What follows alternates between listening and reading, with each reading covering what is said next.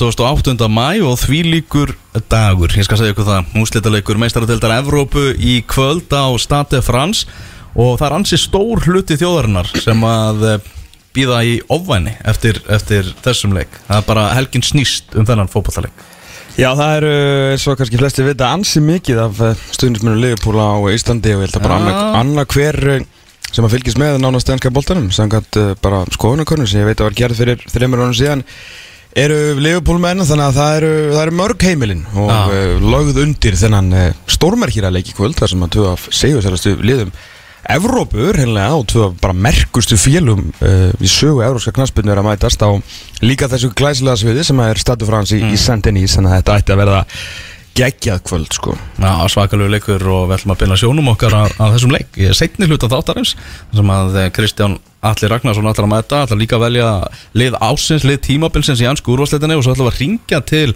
Parísar þar sem að Hafliði Breiðfjörð er elskar borg ástarinnar og hann er mættur, búin að vera hann í sníklum og ostum og ég veit ekki hvað og hvað. Og elskar Liverpool. Elskar Liverpool og hann var á æfingum hjá uh, bæði Liverpool og Real Madrid á Stati Fransi í gær. Þannig að það verður spennandi að, að heyra þess í, í haflið á eftir. Við ætlum líka að gefa bíó með það í leiknum eftir. Í, í leiknum, í þættinum. Á eftir. Já, því að við erum að tala um það að það er að koma bíómynd til það I am Slatan uh, vantarlega svona er byggt á bókinni, ég hef lesið hana, frábær bók. Mm. um, stórmerkilega æfi hjá Slatan Ibrahimovic. Og það er, við erum að tala um luxusal í Smárabíu á þriðudagskvöld það er svoleiðis. Það er svoleiðis, við ætlum að gefa bíó með það. Allir alveg útastættir, gefa bíó með það. Já, það er aldrei að vita en maður fylgir kannski eina að tvær pítsur með. Já, við getum hent ykkur um pítsu með ef að fólk byrður sérstaklega, sérstaklega um það. Sástu klefaræðun hans eftir öru mestarar eða? mm, Já, ég það. Shit. Því líka maður. Spurning bara hvað verður um ferilin hans núna sko? Já, Átta mánuði frá eftir, eftir aðgerð. Þannig að Já, hann er náttúrulega svo sem ekkit unglamb þó hann sé ótrúlegur þessi maður sko. Já, En uh, hann verður allan að Eitthvað, hann verður alltaf í góðum málum. Það er eina svo veist um, veist um Zlatan sko. Já, það er bara, hann gerir eitthvað gott. Hann gerir eitthvað skemmtilegt og, og hann verður í fréttunum. Já, það er alveg ljóst. Það er alveg ljóst. Það er alveg klart mál við, þannig að verið við uh, símtólið og ringið inn og eftir og skell, ég var um að kíka, það er ekkert í gangi á þriðudaginn, ekki neitt. Þannig að um að gera, það er ekkert, ekkert betra heldur en að kíkja þarna í, í bíó I am Zlatan.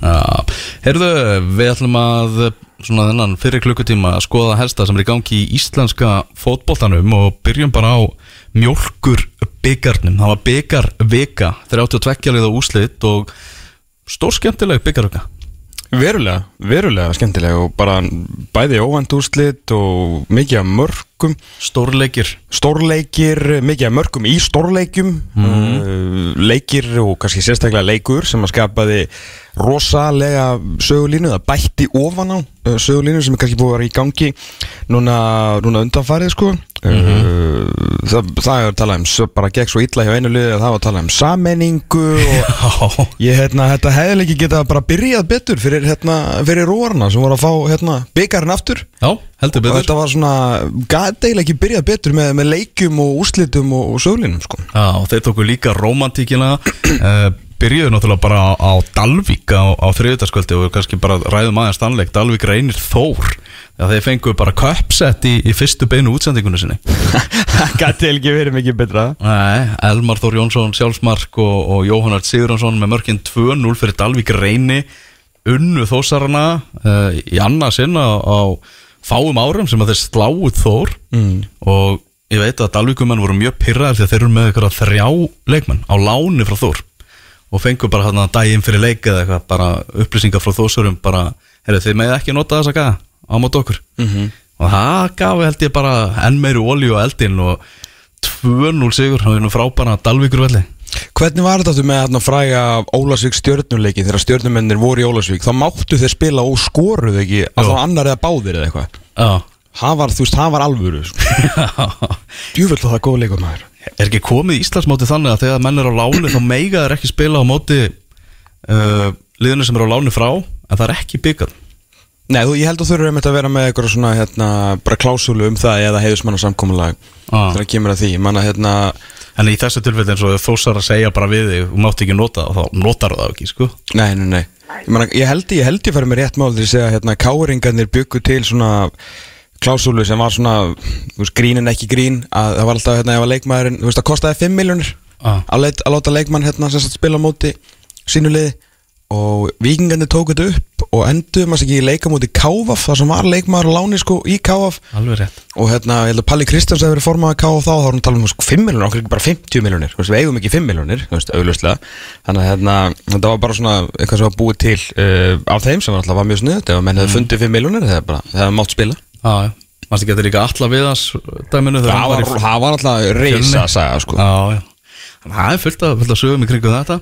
Uh, Ef við förum í, í stórleik á Kópavásvelli Breiðablik 6, Valur 2 Það sem að staðum að jöfn í háleik En blikandir, gjössanlega léku sér að valsmönnum í, í setni háleik Ísaks Nær bara kvildur á bekknum Í, í fyrir háleik kemur inn á skorar tvíveis 16 ára gamall Galdur Guðmundsson. Uh, Sem er búin að marka setja sér núna algjörlega sem Galdur Guðmundsson. Uh, var skýrður Ásker Galdur Guðmundsson en það er búið að breyta honum í KSI-kerfinu og allt hann er leiðin til FCK og, og nú er bara markasetningin hafið fyrir alvöru. Er ekkert kallaður annað heldur en Galdur bara, Nei, nei. bara fjölskyldum sínum uh, fjölskyldu sinni og, vinum. Þannig að við fílum þetta. Já, geggjað. Það að fara í atur með sko, fer bara út sem bara the magic kid. Já, það segir sér sjálf, sko, líka fyrir utan að hann er ekkit eðlilega hæfileikar ykkur fótboltamaður, sko. svakalegt marki á honum Já, ég var svo ánægð með hvernig, hérna, Óskar Rafnum mitt orðaði þetta eftir leik, hann kom inn með, þú veist, svona, hvað hann, svona þessi barslegu, hvað hann, svona, veit ekki, svona barslega hugrekki, ég man ekki nákvæmlega hvernig hann orðaði þetta. Já, Því að ég man ég hugsaði þegar ég horf á hann leik, þegar hann fær boltar hann í tegnum og hann kom overlap, semst framhjá hann, sko, það sem hann hefði auðvitað geta, semst, sendt boltan. Ég hugsaði, það er ekki séns að hann sé að fara að gefa hann að bolta, hann er að fara að skjóta. Ég reynda bjóst ekki við að hann myndi taka eitthvað þú veist flikkflakk skæri og setja hann síðan skeitin inn þegar það var svona, það var bónus ofan á það sem ég held sko. Þetta var geðveikt mark sko. Og líka það sem að var að sjá frá honum í hérna hvað hann lagði upp og skoraði í einhverju stóru leiki í lengjubíkarnum eða fóvoltibúti netmótinu eða eitthvað. Og hérna þá var maður bara, heyrðu þetta þú veist þessi gæi er eitthvað annað sko. Hann kom um til heimsókn, ég að sko tíundabekk. Já, tíundabekk og hann var að skora í, í hérna í efstu delt hérna í Íslandi. Hann er bara þau komu mjölkubíkarnir reyndarinn hvað segir ég? Já, ég mjög Efstu fyrir ekki, fyrir ekki, fyrir ekki í, hérna, í efstu delta slag. Já, á móti val. Á móti val sko og bara kom hann inn á þessu einhver full mótaðu drengun. Hann er bara ástæðan fyrir náttúrulega maður veit að hann er sérstaklega ég veit að hann er í tíundabæk eða að hann var í sko knatsbyrnu vali í salaskóla sem er áfangi það sem að svona krakkar í fótbolta fara og veistu bara ég hef alltaf óskað að hafa verið knatsbyrnu val þegar ég var í tíundabæk sko. Og þau kom í heimsókn og á Simin Sport sko. Þú veist svona var hann hérna hjá veistu, einn af krökkunum. Og maður svona þetta er, er, svaka spaði sko. Þessi hlýtur ég bara ég hugsa að þessi hlýtur að vera góður í fótbolta. Svo spilaði hann einhvern úrslitaleik í þriðjaflokki eða eitthvað mútið stjörnunni bara nokkru dögu síðar og svo var hann bara komin í hóp hjá meistraflokki sko. Þannig að maður svona bara ok, þetta er, er búin ansið ræður uppgangur í honum og síðan að skora núna og spila í, í bjölkubyggandum að móti val alveg magna sko. Já, það er gjössalega frábært og allt gengur upp hjá, hjá blikum. Ómar Só skorar annarleikin í röð. Mikkel Kvist kom inn á og, og skoraði. Svennis ekki reyndar átti erfiðan dag í, í rammanum hjá valsmönnum. Já, þetta var sann sko að því að valsmenni voru alveg fínir í fyriráleiknum og hérna eins og hann var að tala um allan í viðtælun eftir leikan heimir að hann var svolítið pyrrar að fara ekki inn með, með 2-1 en þeir náttúrulega gjössanlega að sopna þarna verðinum í, í stuttu hotspinnunni og kraftu líka í Viktor Erni ég, svona, ég var svona alveg að pæli að fara að kalla þetta aukaspinnu. Að mér fannst það svona svolítið leggjast á baki þarna á Rasmusi en, en síðan veist, var hann bara sterkari og bara gerði vel en Rasmus áttinu svona ekki verist að von með að fá Viktor þarna á baki á sér. En ég tók líka eftir því sko það var engin valsar einhvern veginn sem reyndi að Uh, veist, það var engin svona reyði í tegnum það var ekki svona tilraun til að hafa áhrif á dómar menn voru eitthvað svo voða svona uh, þegar þessi bolti fyrir inn og síðan alltaf setni hálfleikurinn bara gjörsanlega bara eign þeirra uh, blikana sko og náttúrulega kemur inn Ísaks Nær sem að já, hann bara fer ekki inn á völlin um að skora tvö. Hann bara nenniði ekki, hvort sem Nei, hann spili 90, 45 eða 60, það er bara alltaf tvö. Nú er bara, ég last stærsta spurningin á blikum er bara, þú veist er þeir að fara að halda Ísaki, þú veist halda honum áfram já, ég held að, er þeir ekki tímabilið? Það þarf að vera eitthvað, þú veist, eitthvað 50 miljón konar tilbúð sko, þú veist, til þess að hann fari held ég í glugganum núna. Þú veist, þeir eru ekki að fara að selja hann á okkur á þú veist, 15 og prósentur þú veist, þeir þurfa á honum haldur, nú vilja þeir, þeir sjá alveg þeir munu vinna þetta mót en þeir er alltaf tryggja það, sko, það er engin að fara myndi ég halda. Uh, Óskar Rapp Þorvaldsson orðaði við AGF Já, svo það náttúrulega. Er þetta rosalega að hann myndi svo fara bara undan leikmönnum það, það er mjög flott Ég að held einhvern veginn í þessu tímabili þar allir að fara að klára þetta verkefni í, í sumar, eða ekki? Jú, en leikmenn myndi ég halda Jú, ekki með halda, ég held, ég held ég hljóta að fara með réttmál það þegar ég segja að það eru fleiri tækifæri fyrir leikmenn íslenska leikmenn, augljóslega og við séum ekki um tíðina til þess að fara, fara ælendis uh, þannig að þó að Ísaki er því svona gert að vera heima eða þeim myndi segja bara við ætlum ekki að selja það fyrir haust og hafði engar áhugjur, þú veist, þú mynd fór tilbúð þar og já, svona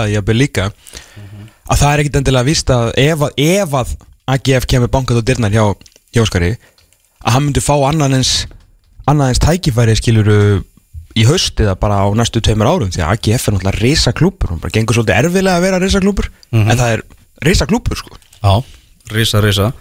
En sko annað hérna en með náttúrulega framistuðu vals í þessum setni áleik þetta var náttúrulega ekki bóðlegt og sérstaklega náttúrulega þrjútvö marki þar sem að uh, á ég á ánað með hvernig heimir fór í sam, tók sömu línuna í öllum viðtölum með þarna Íslandsmetið í, í setni boltum sko. Að því að reyndur náttúrulega að koma þessum bolta í burtu ekkit eðlilega ofta náttúrulega Ísak náttúrulega bara skora og svo skorar og förstu leikadri svo tekur galdur á þarna í, í bakari og svo kvistar hann aftur. Svo bara ég get ímyndar mér að það hefði verið mjög erfitt fyrir valsmenn að horfa á þetta almennt. Bara, þú veist, gengur ítla láta raskella sig þarna uh, og svo var alltaf að koma svona slow-mo og close-up af Holmari og Aroni til svona rétt að minna þig á og þú ert með langdýrasta liðið á landinu. Já. og þú ert basically búin að missa villasmjöstartillinum eins og reyndar öll hinlegin fyrir utan blikana sko, sem verður náttúrulega reiksból í burtu með þetta mót. Uh, búin að tapa ykkur þremuleikjum í raunum í öllum keppnum 6-2 þarna og þú ert með tvo gæja sem eru sko launastri deildinni fyrir utan alla hérna og, og allt í góðu sko, ég er eins og alltaf maður þurfum að tala um pening í þessa deild sko ekki þetta gaggrinn neitt, bara benda á það vita allir að þetta er það dýrasta í deildinni sko. Og örgulega bæja mæl. Þannig að þetta, þetta var þetta vond kvöld fyrir, fyrir val sko. Já vond kvöld fyrir Heimi Guðjónsson Já. Vombriða tímabil í, í fyrra.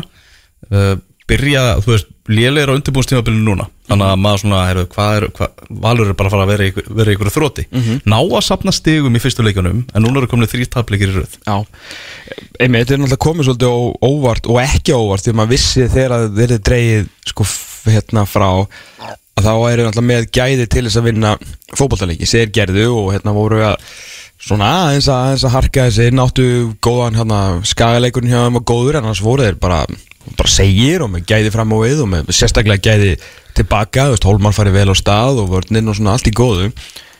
En núna er þetta svona verðist að vera að fara í sam, sömu hjólfurinn og í fyrra sko. Já, og það leiðilega fyrir held ég heimi er að hérna, sko umræðan þá er ég meina sko sko umræðan um val er ekkert endilega bara þú veist það vinna ekki fótbollalegi þú veist það getur komið fyrir einhvern veginn veist öll góð lið. Mhm. og góðir þjálfari geta veist snúið því við og svona ég held að hafi minni aðeins minni áhrif kannski á stjórnamenn og þá sem að þurfa að taka ákvarðanir um hvort það sé koma nýr þjálfari eða ekki.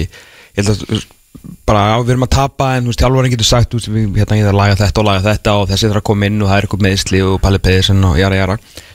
En umræðin er svo mikið sko maður er alltaf að lesa bæði á Twitter og, og hlusta hérna og, og segja í, sko maður hlusta á önnur podcast og segja sjálfur að umræðin er svo mikið hvað eru lélegir skilu að þessi, að þessi bara algjört stefnuleysi.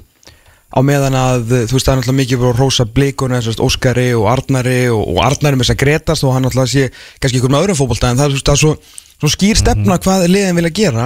Á meðan að þetta lið sem ætla sem náttúrulega bara að vinna alla titlana og vera í Európu sem þeir eru ekki svona núna og umræðan um uh, þetta valslið núna það sé bara algjörlega stefnulust Já. og sé búin að vera í svolítið tíma og það sé farið aðeins dýbra inn í hjarta á þeim sem að ráða þarna heldur en heldur en bara það að þessi að spila eða fyrir ekki þessi að tapa fótboltaleikim sko. Mhm. Heimir Hallgrímsson, orðaða við, við valsgiggið. Mhm. Maður heyri líka Eður Smára. Já, Eður Smára líka orðaða við FH ef að þeir gera breytingar þar. Uh, Spurning hvort að þeir verði bara Það er heitt allavega undir þeim gömlu félögum, Heimi og, og Óla Jó. Já, gengur ekki heldur vel þar Nei, og eitthvað sagði um að, að Eður Smári hafi, hafi verið að sjást í, í stúkunni í Kaplakrika svolítið upp á, upp á síkastið Ok. Já. Þetta er nú bara bref og, og, já, já. og það. Þannig að það er Ég fór nú það mjög góða sögur á hann þar síðast og náttúrulega enginn er búin að gleyma þessu vífraði vittali við alla guðna sem hann sagðist bara hafa hætt basically að því að Eðursmári er ekki áfram. Þú veist það var hann sem að svona kveikti það mikið, það nesta undir honum að hann hérna hann vildi láta reyna á þetta verandi þú veist 84 mótil sko en mjög áhugaverið leikir náttúrulega heil umferða í, í bestu tildin á morgun síðastu umferði fyrir landsleikja klukkan og það eru að tala um það að það er framvalur á eh, framvelli sem að gísku nú að valsmenn vinni. Jú jú. Já, já, en spurning hvort það bara reynilega nægi heimi þegar eru dótnir svona langt af- aftur úr dótnir úr byggar Já og náttúrulega fáir betri tímar til að gera breytingar á um, þjálfarmálum heldur en, heldur en landslíkja fyrir sko. Mhm, en svo náttúrulega þú veist að fara að reikna með valseri ég meina fór ekki framarðinni bara með hérna blikana basically í flautumarkum daginn sko. Veist, settu þrjú mörg á, á langbesta liði í dildinni mm Og FH er að fara að taka Já, Já. í kriganum Káir sem að vaknaðum svolítið til, til lífsins í vikunni sko. Já, náttúrulega því og eftir Ef við ekki að fara aðeins á uh, suðu með sjó Jú, gerðu það. Herru, Keflavík 1, Njarðvík 4 Þetta er svakalega úslit og þarna leikinni þrý sem að rúfsýndi betni útsendingu allir stórkostlega skemmtilegir og, og, og allt það. En maður hefði viljað að þennan leik líka sko. maður er, er heimtufrekjur. Auðvitað. 1220 mannsa á vellinum var búið að kinda upp fyrir hennar leik. Keflingingar voru, voru síðan bara í svakalegu vandræðum og njárvikingar betri frá upphafi til enda. og það er skjálti í, í, á uh, Suðurnesunum eftir þennan leik og uh, Stefán Pálsson hann setti hérna á, á fjersbókasíðuna algjörlega óáhugaverðar fótboltaupplýsingar mm. deildi þar eh, viðtali sem að eh, Sverrir okkar tók við Sigarakka eftir leik þar sem hann vildi bara samena Keflavík og Njarvík og Stefán Pálsson skrifar Það eru mjög rótæk viðbröð við tapi í fótboltanleik að vilja leggja félagið niður eða minnstakosti saminaða sigurvegurunum. Sigur Njarðvíkur og Keflavíkur var hins vegar vissulega sögulur en það hefur það sára sjaldan gest að lið úr þriðju efstu deild eða þar fyrir neðan slá út úrvarsleitalið í byggarnum. Já, og að segja það rótæk viðbröð við tapi að vilja láta leggja félagið niður. en það er það er alveg sko eitthvað hristingur að það sögum að sjó ég var aðeins að svona hlera þetta sko það er eitthvað byrringur yfir því að það er vist svakalega fjölgun á yfkendum hjá Njarðvík mikill uppgangur eitthvað neginn í, í fótboltanum hjá þeim núna. Já, ok, ég veist það ekki. Og uh, bæjastjórin í Reykjanesbæ, Kjartan Már Kjartansson hann hendi á, á Facebook. Það var samkvæmlega darbislagur í kvöld þegar Keflavík tókum að í Njarðvík í 32 úrslu byggarkeppninar Njarðvík var miklu betri aðilinn bæði á vellinum og í stúkunni og gjör sigraði 1-4 fyrir fram á 1220 árundur Takk fyrir skemmtununa allir sem einn innilega til Hammingjum Njarðvík. Nú er Reykjanesbær grætt Já Annar að delta liðið Þetta er, er svakaleg svakaleg úslit og að, að Já, fyrst og fremst náttúrulega bara stórkosti að gert hjá Njárvík sko. Það var ekki svo hrós. þetta að verið eitthvað vegan mannstur sitt í flautumark eða vítaspinnukefni, þú veist, þeir bara pökkuðu saman uh, efstilliðaliði og ekki bara það heldur keflaði bara búið að fá fína dóma fyrir framistuðu sína í, hérna, í bestu deildinni. Nýbúin að vinna FH Nýbúnir að vinna FA hafa bara komið mönnum á óvart með hvað þeir voru slappir uh, á undirbúristímbilinu, svo slappir að þjálfarinn hafði ekki einu svona trú á þessu og svo fá þeir veist, þennan skell. Þannig að þeir koma inn í leikin þú veist, on a high mæta annara delta liði og fjögur eitt. Þannig að sko bara til að byrja með Bravo og Njárvík sko bara algjörlega en þessi, þessi viðbröðu náttúrulega eru mjög skemmtileg sko. Já. og náttúrulega kveikti líka neista undir mönnum svona sammenningatáknum Reykjanes bæðir eins og Garðar Erni Arnarsinni stjórnum pródusent á eh, stöðu sport sem að hérna eh, The Creative Director sem að vildi náttúrulega sjálfsögðu fara saman þetta saman þetta líka í, í IRB og að koma bara í áfram IRB en svo hérna held að hann hafði reynda sjálfur að segja mér um daginn að karvan er bara svolítið að taka aftur yfir í Keflavík mm. þannig að eh, bestu íþróttamenn eru afturfattin að velja körfuna þar ah. Þannig að kannski á meðan að uh, þetta er að fara í sikkur áttina að njárvingar er að fá, þess að fótboltanjárvingar er að fá íþróttamennina þar og hvers karvan er að missa, þú veist, þá henda kannski kefla ágætlega samina núna en hvað veit maður Það var alltaf áhugaverð umæli hjá Sigga En það er þannig að ljóst að þetta liðir þið mjög gott sko Já, Það verður dreigið í, í næstu umferð í byggarnum í 16. úrslitin á mánudaginn okay. Hver að- dreifur núna? Er Það það það var Bjarni Fel síðast. Það Ástendur Helga? ek- verður ekki hægt að toppa það Þannig að það verður frólætt Þið þurfa að taka eitthvað skref niður í 16. úrslitin. Ég fá Ástildi og Þóru. Já, Sýstum það saman. Það verður líka dreigið einmitt í, hérna, í, í kvennabyggarinn á, á mándaginn Herru, stjarnan 0 KR 3 og eh, Rúna Kristinsson sagði til leik við erum miklu betri á gerfigrassi heldur en á, á grassi sem er svo fyrir vond því að heimavöllunum þeirra er gras. Já og uh, vallarstjórin er einhver almesti grasmaður á Íslandi. Það er Já. bara, ég held að þetta stjórn sko grasáhuga mann á Íslandi telur Jón Rúnar uh, Aldursson Veðar Haldursson og Magnús Val Böðarsson hmm. Þetta eru formáður gelkýri og rittari sko. Mm en já, bara káringa miklu miklu betri í, í þessum leik og bara sérstaklega í, í fyrri hálfleiknum. Svona sildur sér seðan í höfn í, í, þeim setni uh, vantaði Daniel Lagstall í liði hjá stjórnunni sem hefur verið frábær sem svona djúpur á, á miðjunni hjá þeim upp á síðkastið. Leikmaður umferðarinnar um daginn. Og uh, hans var sárt saknað og káringar bara síndu spari liðarnar í, í þessum leik. Voru bara virkilega öflir Já, mér varst þessu svolítið þurfa á, á svona séri að halda sko. Fóru út úr þessum tveimur taplíkjum hann gegn eh, blikunum og val og séðan hvað jafn, hvað er ekki markalust jafntöflið gegn Káa í eh, kannski ekki sérstaklega skemmtilega leik hérna í byrjun mánuðar Svo áttu er þetta, þú veist, eh, innan gæðsar bara létta program í BF Keflavík og leikni allaði beit og ná í 7 af 9 þar en alls ekkert samfærandi sko, vinna Nei. í BF og Keflavík bæði með einu, gera svo jafntefli við leiknismenn. Uh, þannig að svona, þetta var fínt, fara út þú veist, hérna bara svona bjarsinni eskunar og allt það hjá, hjá stjórnunni og vera bara betri. Halda hreinu og bara pakka þeim saman. 16 úrslit í byggar, þú veist, takk. Nú getum við svona, te- svona núna alltaf þurfum við að fylgja svo eftir, sko, náttúrulega gegn FA á morgun stórleikur, mm -hmm. þannig að hérna en, en þetta var, þetta var gott hjá þeim og þeir voru góðir, sko. Nei, voru það sko mínu menn í, í leikni, þeir fjallu út á móti fram á framvelli í, Sumar eru bara betra í breiðaldi Það er bara betra, byggar er búinn, nú er þetta að innbetta sér að deildir Já. Það er bara þannig, þetta var uh, Náttúrulega leikurinn fór í, í framlengingu sem ég var virkilega ánægð með því það var bongo blíða, það var mikil sól og fínt að vera þarna úti og Leiknismenn manni fleiri. Já, framarar bara tíu breytingar á byrjunliðinni á þeim. Þannig að þeir hérna virkilega upplutt hjá þeim. Þessi, þessi framistæð með allar þessar breytingar og menn bara utan hóps og, og, og frett og gummi magg og, og, og félagar bara á bekknum, Óli Ísól. Þannig að ná að vinna þetta.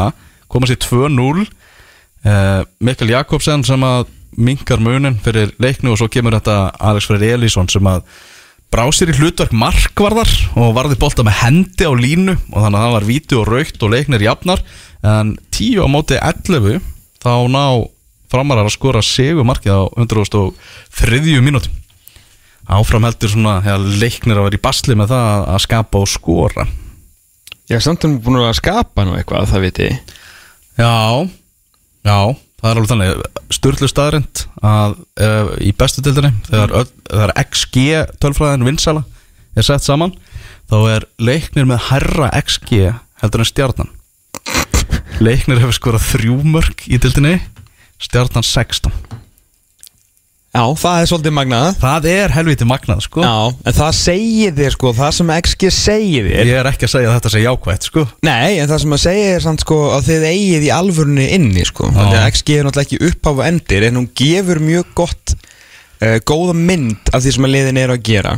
Mm og það er náttúrulega töluvert meira sustainable til framtíðar sko að vera undirperforma XG að því á endanum þarftu bara, ef þú ert að skapa þá myndur náttúrulega endanum sparka boltanum á milli stangar og undir slána sko. Á meðan að lið sem eru svona overperforma alltaf munu alltaf koma nýr, komast nýr á jörðina sko, þú getur alltaf ekki verið að hamra þessu skeitin á 30 metrunum allan daginn. -hmm.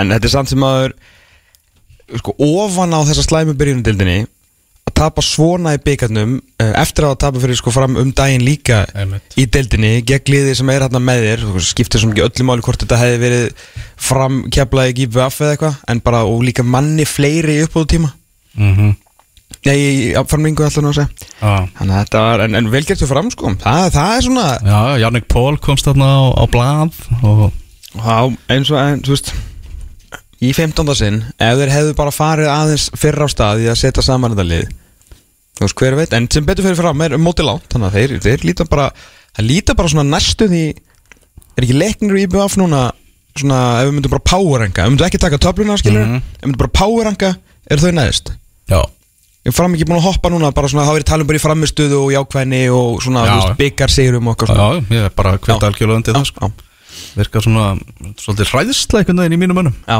Þeir þurfa að koma þess út úr skilinni, þóra er ekki bara hvaða leikir er eigar á morgun? Það er eiga léttanleik, það er breyðablík Nú það er bara já, já, já, það er gott að blikarnir er nekkert á góðu rönni það vantar var mjög fyndið þurfast að byggja hérna, byggja Benna um framleikingu í spjallinu okkar hérna þegar staðan var 2-1 eitthvað svo.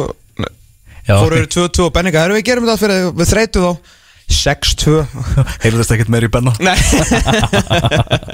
Það verður- það er bara þannig. Og líka átt að þetta þreita sko Ísaks næ hann tók bara 45 og skoraði 2 þannig að ég hlakka til að sjá hann skora 2 á morgun. Alltaf skori fyrri og setni það bara í setni Ég þóra ekki að hugsa út Þú reyði bara ekki. Ég verður verð mættu til, til Danmörkur Já, reyndar. Ég er að fara út í fyrramálið. Lingby komið upp Treyði svo upp, Freyr Alexandersson. Hældu í þessum her Ef verður þjálfar í dönsku úrvastildinni Fræsi Alexanderson er sko en superlíka træna Já, ég held að sé ekki allir átt að sá því hversu stórt þetta er sko. Nei, menna, hvað hefa margið þjálfað í, í superlíkunni? Óli og eitthvað fleiri það? Ég, Það er eitthvað mjög fáir sko. Já. Og í fyrsta, sem sagt, fyrsta head coach gigginu sinu Já. Fyrstu tilhörnu upp, ég meina Lingby, hvað hva sagðum við okkur um dag? Það var stærsta budgeti, þriðja fjóraða Þú veist, Mm. Lingby er alveg stór klúbu, sko, það er ekki eins og að vera að koma einhverjum sveita klúbu upp, sko En samt, þú veist, það var búið að að taka til í fjármálunum og, og bara hrikalega velgert og náttúrulega líka með leikmarafna sem að uh, steinu heldur betur upp sérstaklega setnilutan, sagði var allir það var nú gaman en þetta er náttúrulega, og passjónin líka bara fyrir Lingby að maður er að fylgjast með þessu samfélagsmiðlum og Mhm. maður er ekki, ekki þá tekist að komast út á leik en maður sér að það er rosalega, virðist vera rosalega gaman að vera Lingby stundismæður, sko, mm það, er, það er mikið svona ástriða fyrir þessum klúb. Komnur upp, það er síðasta umfyrirna morgun á heimavelli. Ég verð þar uh, Fótboltinn verður í öðru sæti, sagði Freysi. Það verður, skemmtunin verður nummer eitt sko. geta þær unni, hérna, er Horsens búin að tryggja sér sérst? Nei, ég held að ef að Hossans tapar og Lingby vinnur þá vinnur Lingby Já, titilin já. Efsta sætið. Og náttúrulega Aron að fara upp með, með Horsens líka. Vel gert, tvö, það. íslendingalið að fara upp en þetta er, auðvitað, þetta er magnað uh, og frábælega gert hjá Freysa í fyrstu tilraun sko. heldur betur.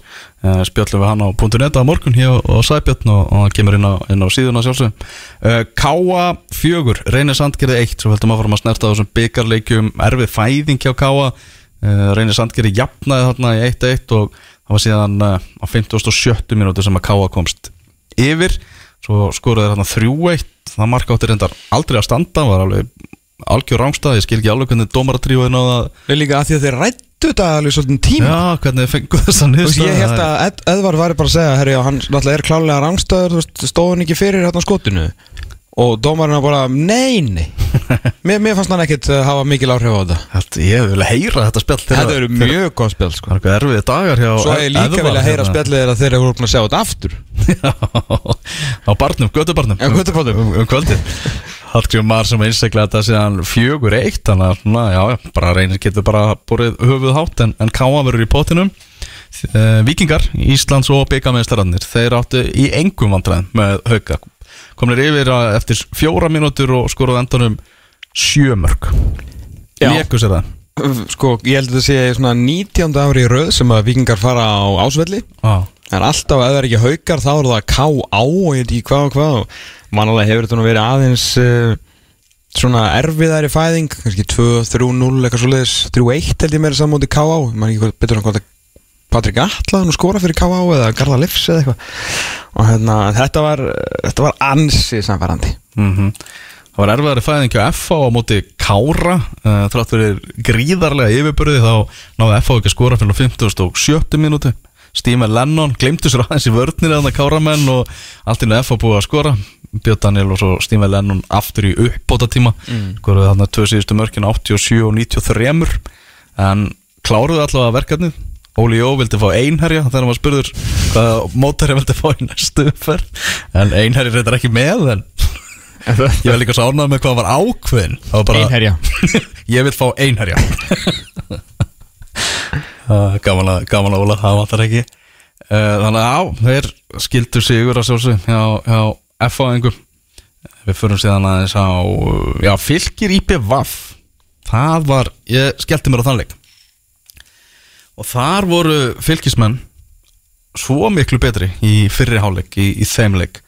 Uh, Leittu í hálfleik 1-0 Afskaplega verðskuldað og útlitið náttúrulega enn svartara hjá IPVF þegar að Tómas Bent skellti sér hérna í, í tæklingu á gulu spjaldi og fekk uh, réttilega líta rauðaspjaldið uh, Ásker Eithosson kom fylki í 2-0 Alex Freyr Hilmarsson sem að minkaði munin en IPVF komst ekki lengra. Uh, var allt annað að sjá til þeirra reyndar í, í setna háleg Andri Rúnar kom inn í, í háleg komið, komið meira lífi í þetta, maður hreinskilin í viðtal eftir leik og sagðist alltaf nota núna bara landsleika klukkan til að koma sér í almennlegt form mikið við rætt náttúrulega um standið á IPVF-liðinu uh, Arnar Breki Gunnarsson sem að byrjaði þennan leik fór út af í, í fyrriháleik hann var bara búinn að þetta kortir sko. hann átti bara erfitt með hann á andanum sko.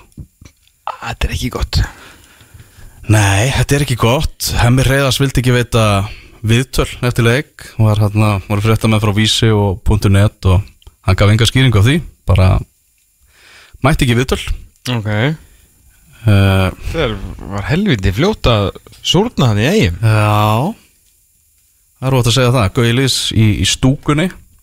Þetta er að þeir fóru þarna enni í enni Hann og, og hemmi. Það rýmaði skemmtilega það er Já, það var líka eitthvað voða, voða skrítið. Þó að Herman Reyðarsson endar spjallar oft við menn mjög kröftulega og stundum alveg með höndunum. Já, eins og við höfum síða svo sem bæði þegar að var að þjálfa hérna, fylki síðast eða ekki og, og náttúrulega hefði viðfræði atriði þegar hann tók uh, gæjan hérna starfsmannin á, á Porsmóðvellinum hérna um árið. Já. í, í aðdurumennir okkar. Mhm. hann heilsar mönnum með hérna með að taka hálstæki og svona sko þannig að það er gríðarlega mikil ástriða í Hermanni Reyðarsinni sko. Mm Þetta var aðeins samt svolítið skrítið einhvern veginn að fara svona ofan í þinn eigin leikmann þó hann sé eitthvað pyrraður sko. Bara vísar hann í burtu eða segir hann að setjast sko. Já Og svo hjálpar ekki þetta bara Vil ekki tala við fjölmiðla Vil ekki tala við eigin stuðningsmenn og Nei. í, í gegnum fjölmiðla sko.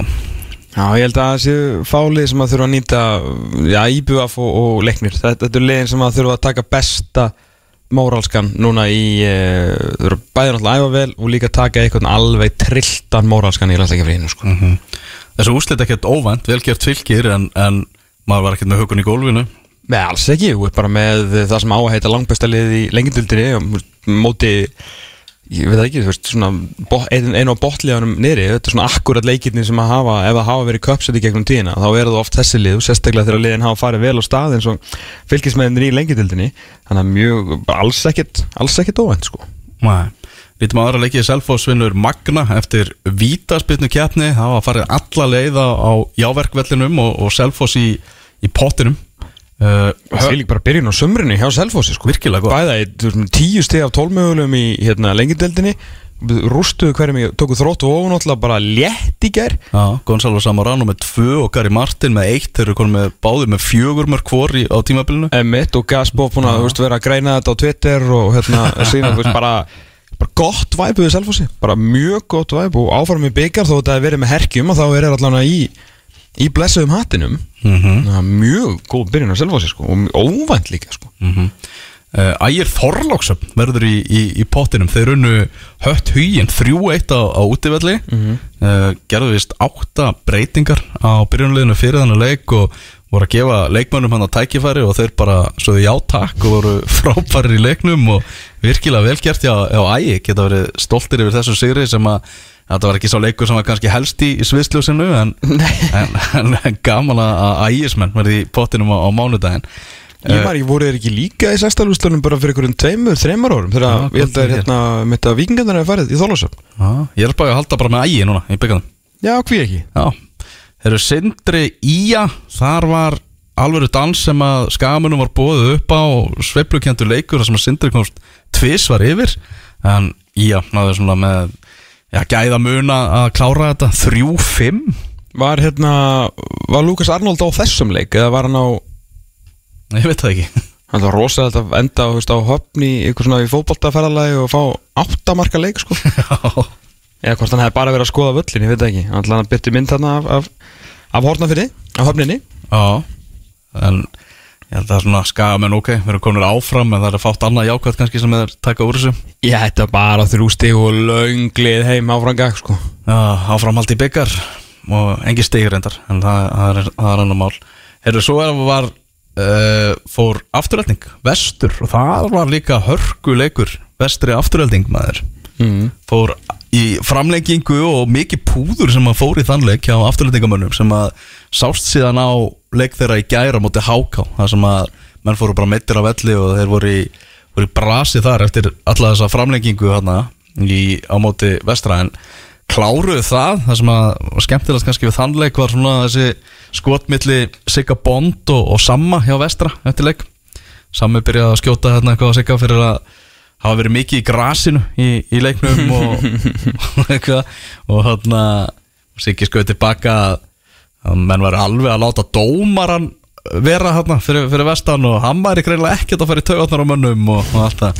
Menn voru veit mikið að öskra dómaran á Ísafirði og það er ekki nýtt. Nei, nei, nei, þannig viltu hafa þetta og fyrir að leikja út á landi að láta dómarinn að heyra það. Já, það er, það er algjörlega þannig. Þannig að það var afturlega kláraði það en, en gengur erfilega sátna stöðum hefur minn sem var í lengjudildinu Já, það er ekki, ekki farið vel á stað hjá, hjá makkanum til miður sko. Mm, Stefán Ingi Sigurðarsson með tvö mörg fyrir Háká sem að vann gróttu 3-1 og Háká enga með Sigurðarsson mútið afturlega gær og við erum nú það að Ejo Púrisevits hefði verið í stúkunni í kórnum.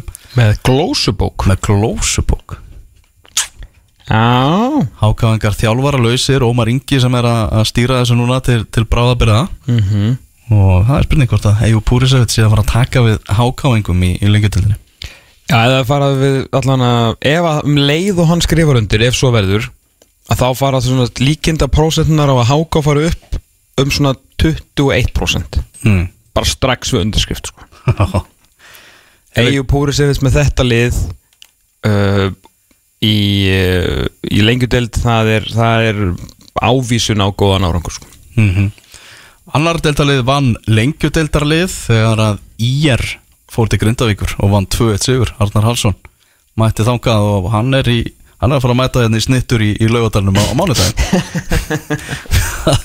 það er bara, já, virkilega upplugt. Algjörlega og hérna er bara á, það er mjög áhvert að sjá að fylgjast með frængungunni þar og hvað það hann geti leik? Hann dreymir um að gera í er að, að stabílu lengjudöldali mm Hvíti rittari 0, Kórtrengir 2 en tóku þetta Kórtrengirnir uh, Þóri Rapp með marka 8.50 mínúti í þeimleikur Vítaspinnu ég fór á í gráin í ger Fjölnir Kórtrengir Já. Hörkuleikur. Þar sem að allt stemdi sigur Fjölnis þar til bara í lokin blálók leiksins þá jafnaði Þórir fyrir Kórtrengi og þeir fengur sann í upphóttífunum tvö bara, já bara dauða færi til að stela sigrunum síðan Kórtrengi sko. sem þeir hefði nú alveg þurft á að halda þeir er alltaf búin að vinna eitt leik núna í, í byrjunum móts og menn að mm. það er á móti KVF það er mynd að móti, móti káfa þannig að þetta er náttúrulega kannski Selfoss sko kom með tíu stig í dildinu menn að Kortringir eru með fimm og bæðilega búin að spila fjóra leiki þetta er ekki, maður hefði einmitt kannski búist þessu akkurat öfugu sko mm -hmm. samanskapi líka fyrir fjölnir ef þeir hefur náð þessu væri þeir uh, þá með tíu stig líka sko, nei með, með níu stig þannig að þetta er svona líka góð byrjun hjá, hjá fjölnismannum að þetta er svona, deildin er fyrir því að afturhelding þróttur og káa fyrir kannski nákvæmlega á þessar staða sem maður held og fylki líka en svo er hitt svona, svona skemmtilegu pakki eins og kannski við máttu búast. Mm algjörlega Herðu, við ætlum að, þetta voru 32 úrslitin, ég held ég hafi ekki glemt einum einasta leik. Nei. snertum, snertum á þeim öllum.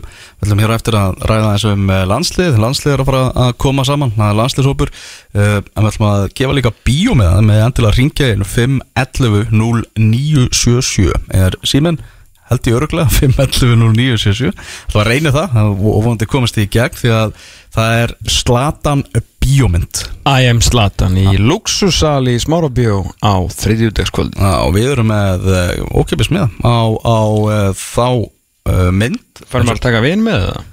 Já, það er miðið fyrir tvo það sjálfsögðu, þannig að það er Luxussalur þriðjúdegskvöld og, og ég var að, að langt sem við tekið eitthvað í loftinu Ég, ég, held svona, ég held að það sé svona fimm ár sinni við gerum það Ég að Ég held að síðast við gefum með bara á fjölnisvöllinu eða eitthvað Já, Axi, góðan dag Já, góðan daginn. Góðan og gleðilegan daginn Hvernig erst þú? Gleðiland dag. Herru, ég er rosa þess. Er það ekki? Og þú- Jú, en þig. Við- Geggjaður, sko. Já, við erum stórkostleir Við bara munum ekki alveg hvernig það er að tala við hlustundur Við erum ekki gert þetta í svona fimm ár sko Hvað er En ert þú slatan eða? Eða langað að Ég, elska Slatan. Ég bara, Skiljanlega, sko hann er uppáhald, sko. Hver er svona upp á slatanin? Er það Milan slatan, er það Juve slatan, Inter slatan, Barca slatan?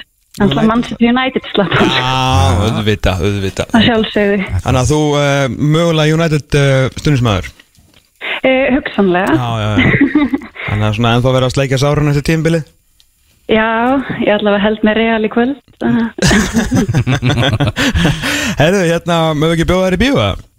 Alveg endilega. Herðu, hvað, hérna, hvað heitir þú? Eller þú verður að Ég þetta, ég, ég er ekki með tölu Ég heiti Heiða.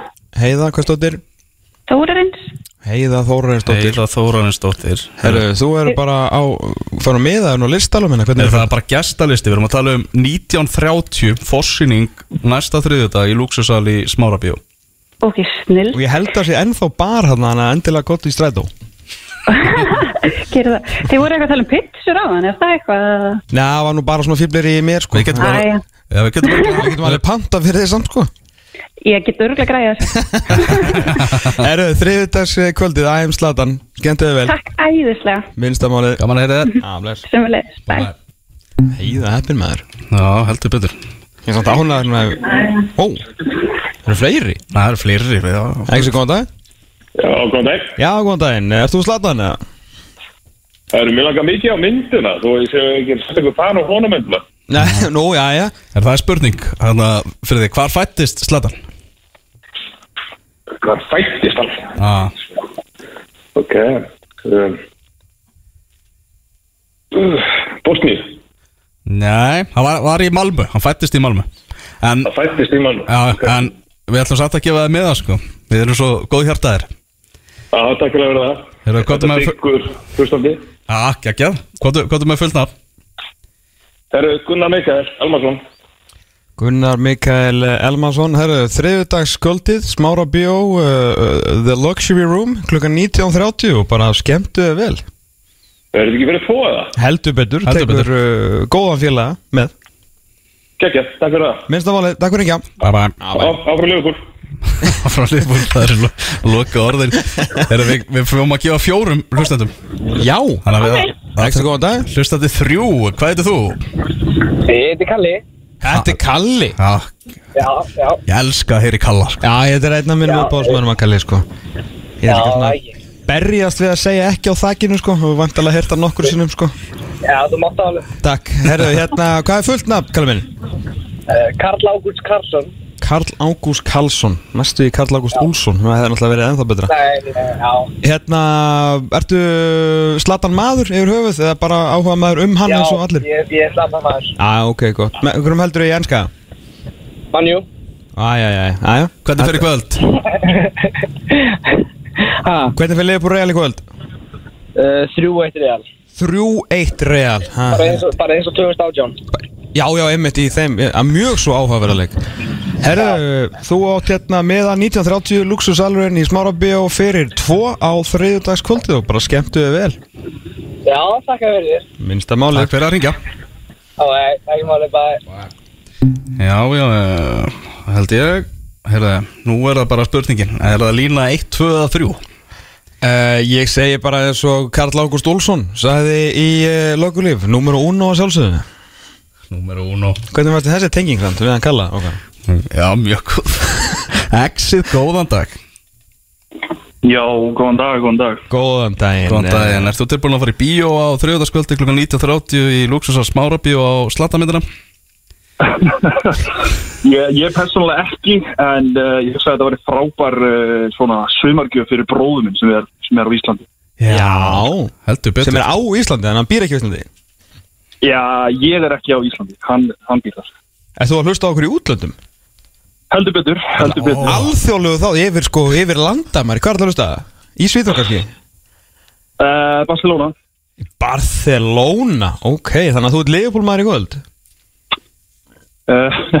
nei, alls ekki, alls ekki. Ég er búin að kaupa mér hérna Real Madrid treyju og, og fyrir kvöld Ok. en hérna á, á velvalin stað samt, ég vil ekki vera lendi í einhver aðkasti Nei, nei Það er eða mögulega síðan sem ég myndi gera í Barcelona að fara í Real Madrid treyjun En það er nú bara ég Herru, hvað heitir vinnur? Er ég þetta Já, Andri? já, hvað heitir hérna bróðin sem ætla að ætla að fara í bíó? Hörru, hann heitir Aron Mm. Aron Sverrisson, hann verður á gestalista og, og plus 1 Ok, ljómandi, ljómandi Herru, það er bara á þriðta sköldi, 1930 í, í Smárabíó. Þú segir hún það og hérna gefur bróðinum þessa fallegu sumangjöf Súper, takk fyrir þetta, málið, takk fyrir ringja Bye bye Bye bye Þú ert að hlusta á fótbolti.net á exinu 977 Það váttum eftir að beðast afsökunar á því að við vorum náttúrulega ekki í beinni síðasta lögata Við vorum að stekja okkar mann Be- Benna Bóas. Já sem að er að mitt að hlusta núna á, á, í okkar heimabyggð. Á mjögotninu Já, Sandra uh, verðandi eiginkona að hlaupa hálfmarathon og annað árið röð í, í Mývarsmarathoninu og hérna Benni hérna hérna hefur nú ekki hleyft honum á malbyggið eh, svona að þessu sinni en ég sem ekki betur á þessum myndum að hann sé nú uh, standa sig glæsilega hérna í, framvarasveit stuðningsmanna. Já glæsilegt. Það var kistla síðasta maður. Og það er líka eins gott að það var góða myndatökumæður í þessari stekjum því að ekki maður stekkurinn neitt. Það er alveg, er svort Það er alveg klárt mál. En það, til þess að ekki leikurinn gerður sko. Það er þannig. Heyrðu, við ætlum aðeins að snerta á, á landsliðinu okkar sem er að fara að spila núna fjóra leiki í þessum glugga. Þeir eru að fara að vera á faraldsfæti eru að fara að keppa á fimmtudaginn á móti Ísrael í þjóðadildinni Svo mæta þeir Albaníu á heimavelli 7. júni, mánudag eh, á lögadalsvelli og svo er það 50. 9. júni þá er það lélasta landslið í heimi San Marino Ísland og svo er það mánudaginn 13. júni Ísland Ísrael á lögadagsvelli og það er eh, miðasala hafina á tix.is og allt það getum ekki fallið úr riðlinum þar sem við drófumst með rússum og þeir megi ekki spila þannig að þeir falla sjálfkrafa niður í sédelt þjóðatildarinnar við munum halda okkur áfram í bjedeldinni eða jafnvel tryggja okkur efsta sætið og komast upp uh, ef við náum að skáka þarna Ísrael og Albani en það var allavega fréttamannafundur í laugardalunum á miðvíkudaginn þar sem Arnald Þó Viðarsson tilkynnti hópin fyrir þessa fjóra leiki sem að verða núna hérna í júni og uh, ekkert eitthvað svona engar, ekkert sem kom svakalega óvart í þessu Nei, eh, orðið sem hann alltaf má aldrei nota í kynnslóðskipti er náttúrulega í, í fullum gangi núna og Arnar svo sem talaði um það líka sjálfur að hérna, hann var orðin þreyttur á að tala um þessa nýju kynnslóð en bara svona væri þetta. Það er valla að eh, Birki Bjarnasinni, uh, fyrir utan Birki Bjarnason er bara ekki kjaftur að finni sko gillin fræg uh, gull kynnslóð og mikið af ungum og spennandi strákum og svona strákum sem eru komin í svona aðeins lengra inn á tvítursaldurinn en svo náttúrulega FCK strákandir að detta þarna inn og svo Hákon Arnar mættur, Já, já, spennandi. það gæt nú ekki annað verið. Maðurinn tók bara súbulíka með bara á hornum sér og bara pakkaði henni saman hann til lokjun og endar Ísak Bergman góðu líka þó að Hákon hefur kannski stólið stólið fyrirsögnunum. Málið er að þetta er bara svo hróttalega Vist, ef, ef við værum bara með svona tvo fótbollakalli viðbútt bara einhvern svona aðeins meiri reynslu þá getum við bara farið upp í aðeild sko. Ég átta mig fyllir á því að við höfum unnið eitt leik á síðustu 40 eða eitthvað. Já. En nú þegar það er búið, þú veist, Arnar er búin að fá alla þennan tíma til þess að, þú veist, fá öllin viðfrægu svör. Skilur, hvað hann lítur að vera með eitthvað, einhverja fastmótaða hugmynda hver er að fara að spila mútið Ísrael og, og Albani í þessum glugga? Og Ísrael er alveg góður en þetta er ekkit einhver, einhver wunderkind, þú veist, við getum alveg unnið á ekki kannski með slatt á þessum framistöðum sem við höfum verið að bjóða upp á e, síðustu mánu, en það er alveg tækifar á, á, á að gera eitthvað en, en auðvitað, maður svona, það er svona einn að tveir kall, ná tveir kallar. Og kom það tvo kalla þá var ég mjög bjart sko. En ég er bara að fara inn í þessa tjóðadeld uh, með þann bara mæntingar og spennu í, í brjósti og, sála að bara sjá þessu ungu strákar sko. Hötti áttu í góða spurningu á fréttamannafundunum var að pæla bara í því skiluru í staðis að sé bara á hverjum fréttamannafundunum og fætur öðrum, þú veist, hvað er þessi, hvað er þessi af þessum reynslu miklu mönnum, sko Mhm. er ekki bara, þú veist, komin tími til bara þetta er bara nýja landslið okkar og, og bara hætta að hugsa um hitt, sko Já, meðan að Arnar segir að þú veist, dyrna segja þá opnar og þeir séu ekki hættir þá alltaf verður að spyrja þá Já, það sá sér, maður vill velja sitt besta lið og, og alltaf og vill hafa reynsluna ef þeir eru í bóði mm. -hmm. Guðlu Viktor náttúrulega er að er búin að útskýra það að hann er að nota þessa landsleika glugga bara einfallega til að hitta són sinn sem hann bara annars getur ekki, ekki hitt og, og sagði bara sónu minn er mikilvægur en landslið í, í mínum huga sagði hann í viðtali við Bjarnar Helgason í, í, í, í, í mokkanum þannig að það eru svona hinnar og þessar ástæður fyrir þessu. Um, tala um það í aðdraðandanum að Arnar fengi að velja Aron Einar ef hann vildi það en svo breytist það náttúrulega þegar málið, málinu er greinlega ekki lokið hjá, hjá honum. Nei, og hérna, þólandi náttúrulega kærir, uh, kærir niðurstu, þessast, niðurfellinguna ef að það er rétt hérna lögfræði uh, hugtak, þannig að þannig málinu er faktist þá ekki lokið en þá, veist, eftir að fara ennþá betur yfir þetta. Og meðan að hann faktist þá sæti rannsók samkvæmt uh, svona viðmiðum uh, knarspilisambatsins og náttúrulega bara lögfræði lögfræðina líka. Og því getur Arnar ekki valið, en hann var allan að hægt að tala um það. Og Arnar, Arnar er auðvitað létt að geta bara sagt það Já. Ég eru bara að skýra línur komnar aðeins með það núna, loksins. Uh, Við höfum stundu farið í þann leik að setja saman svona lið af leikmönnum sem eru fjárverandi mm. og nú fór Víði Sigursson í þann leik í, í morgunblæðinu núna í vikunni. Setti saman lið leikmanna sem eru ekki í, í hópnum á ímsum, ímsum ástæðan Jó.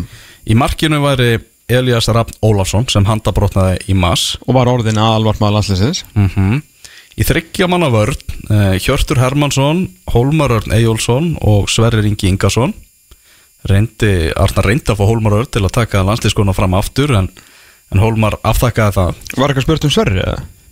uh, Nei, minnir ekki.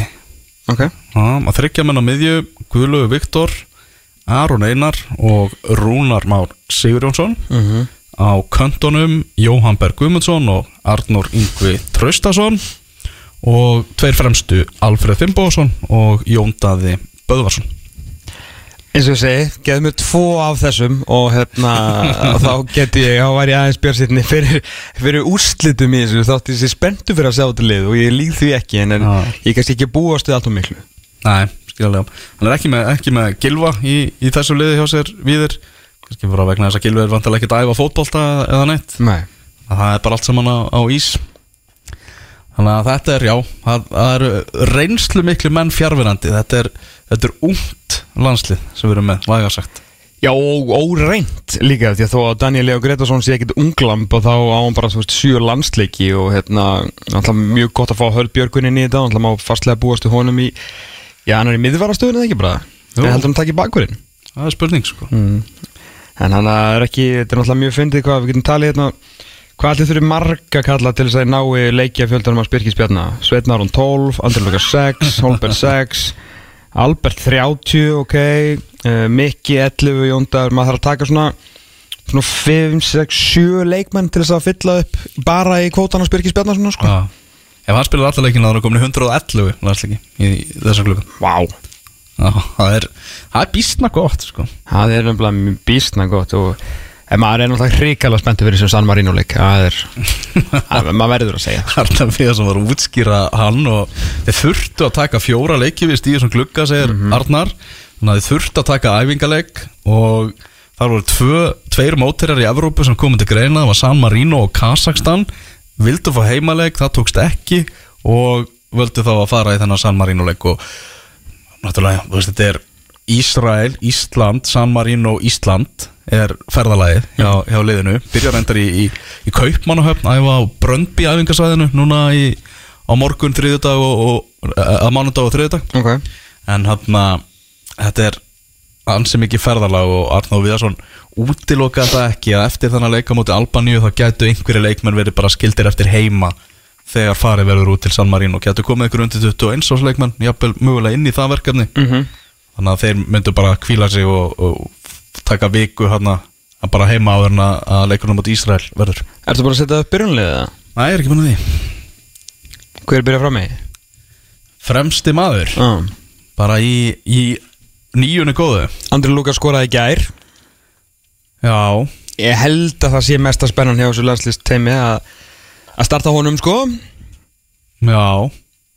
Jú, hann er, hann er líklegur, þetta eru fjóri leikir getur, já Albert líklegur upp á topp. Alveg fremstur eða? Já, Já, bara ég svona, þegar maður horfir yfir hópin sko. Byrja Hákon fyrsta leik?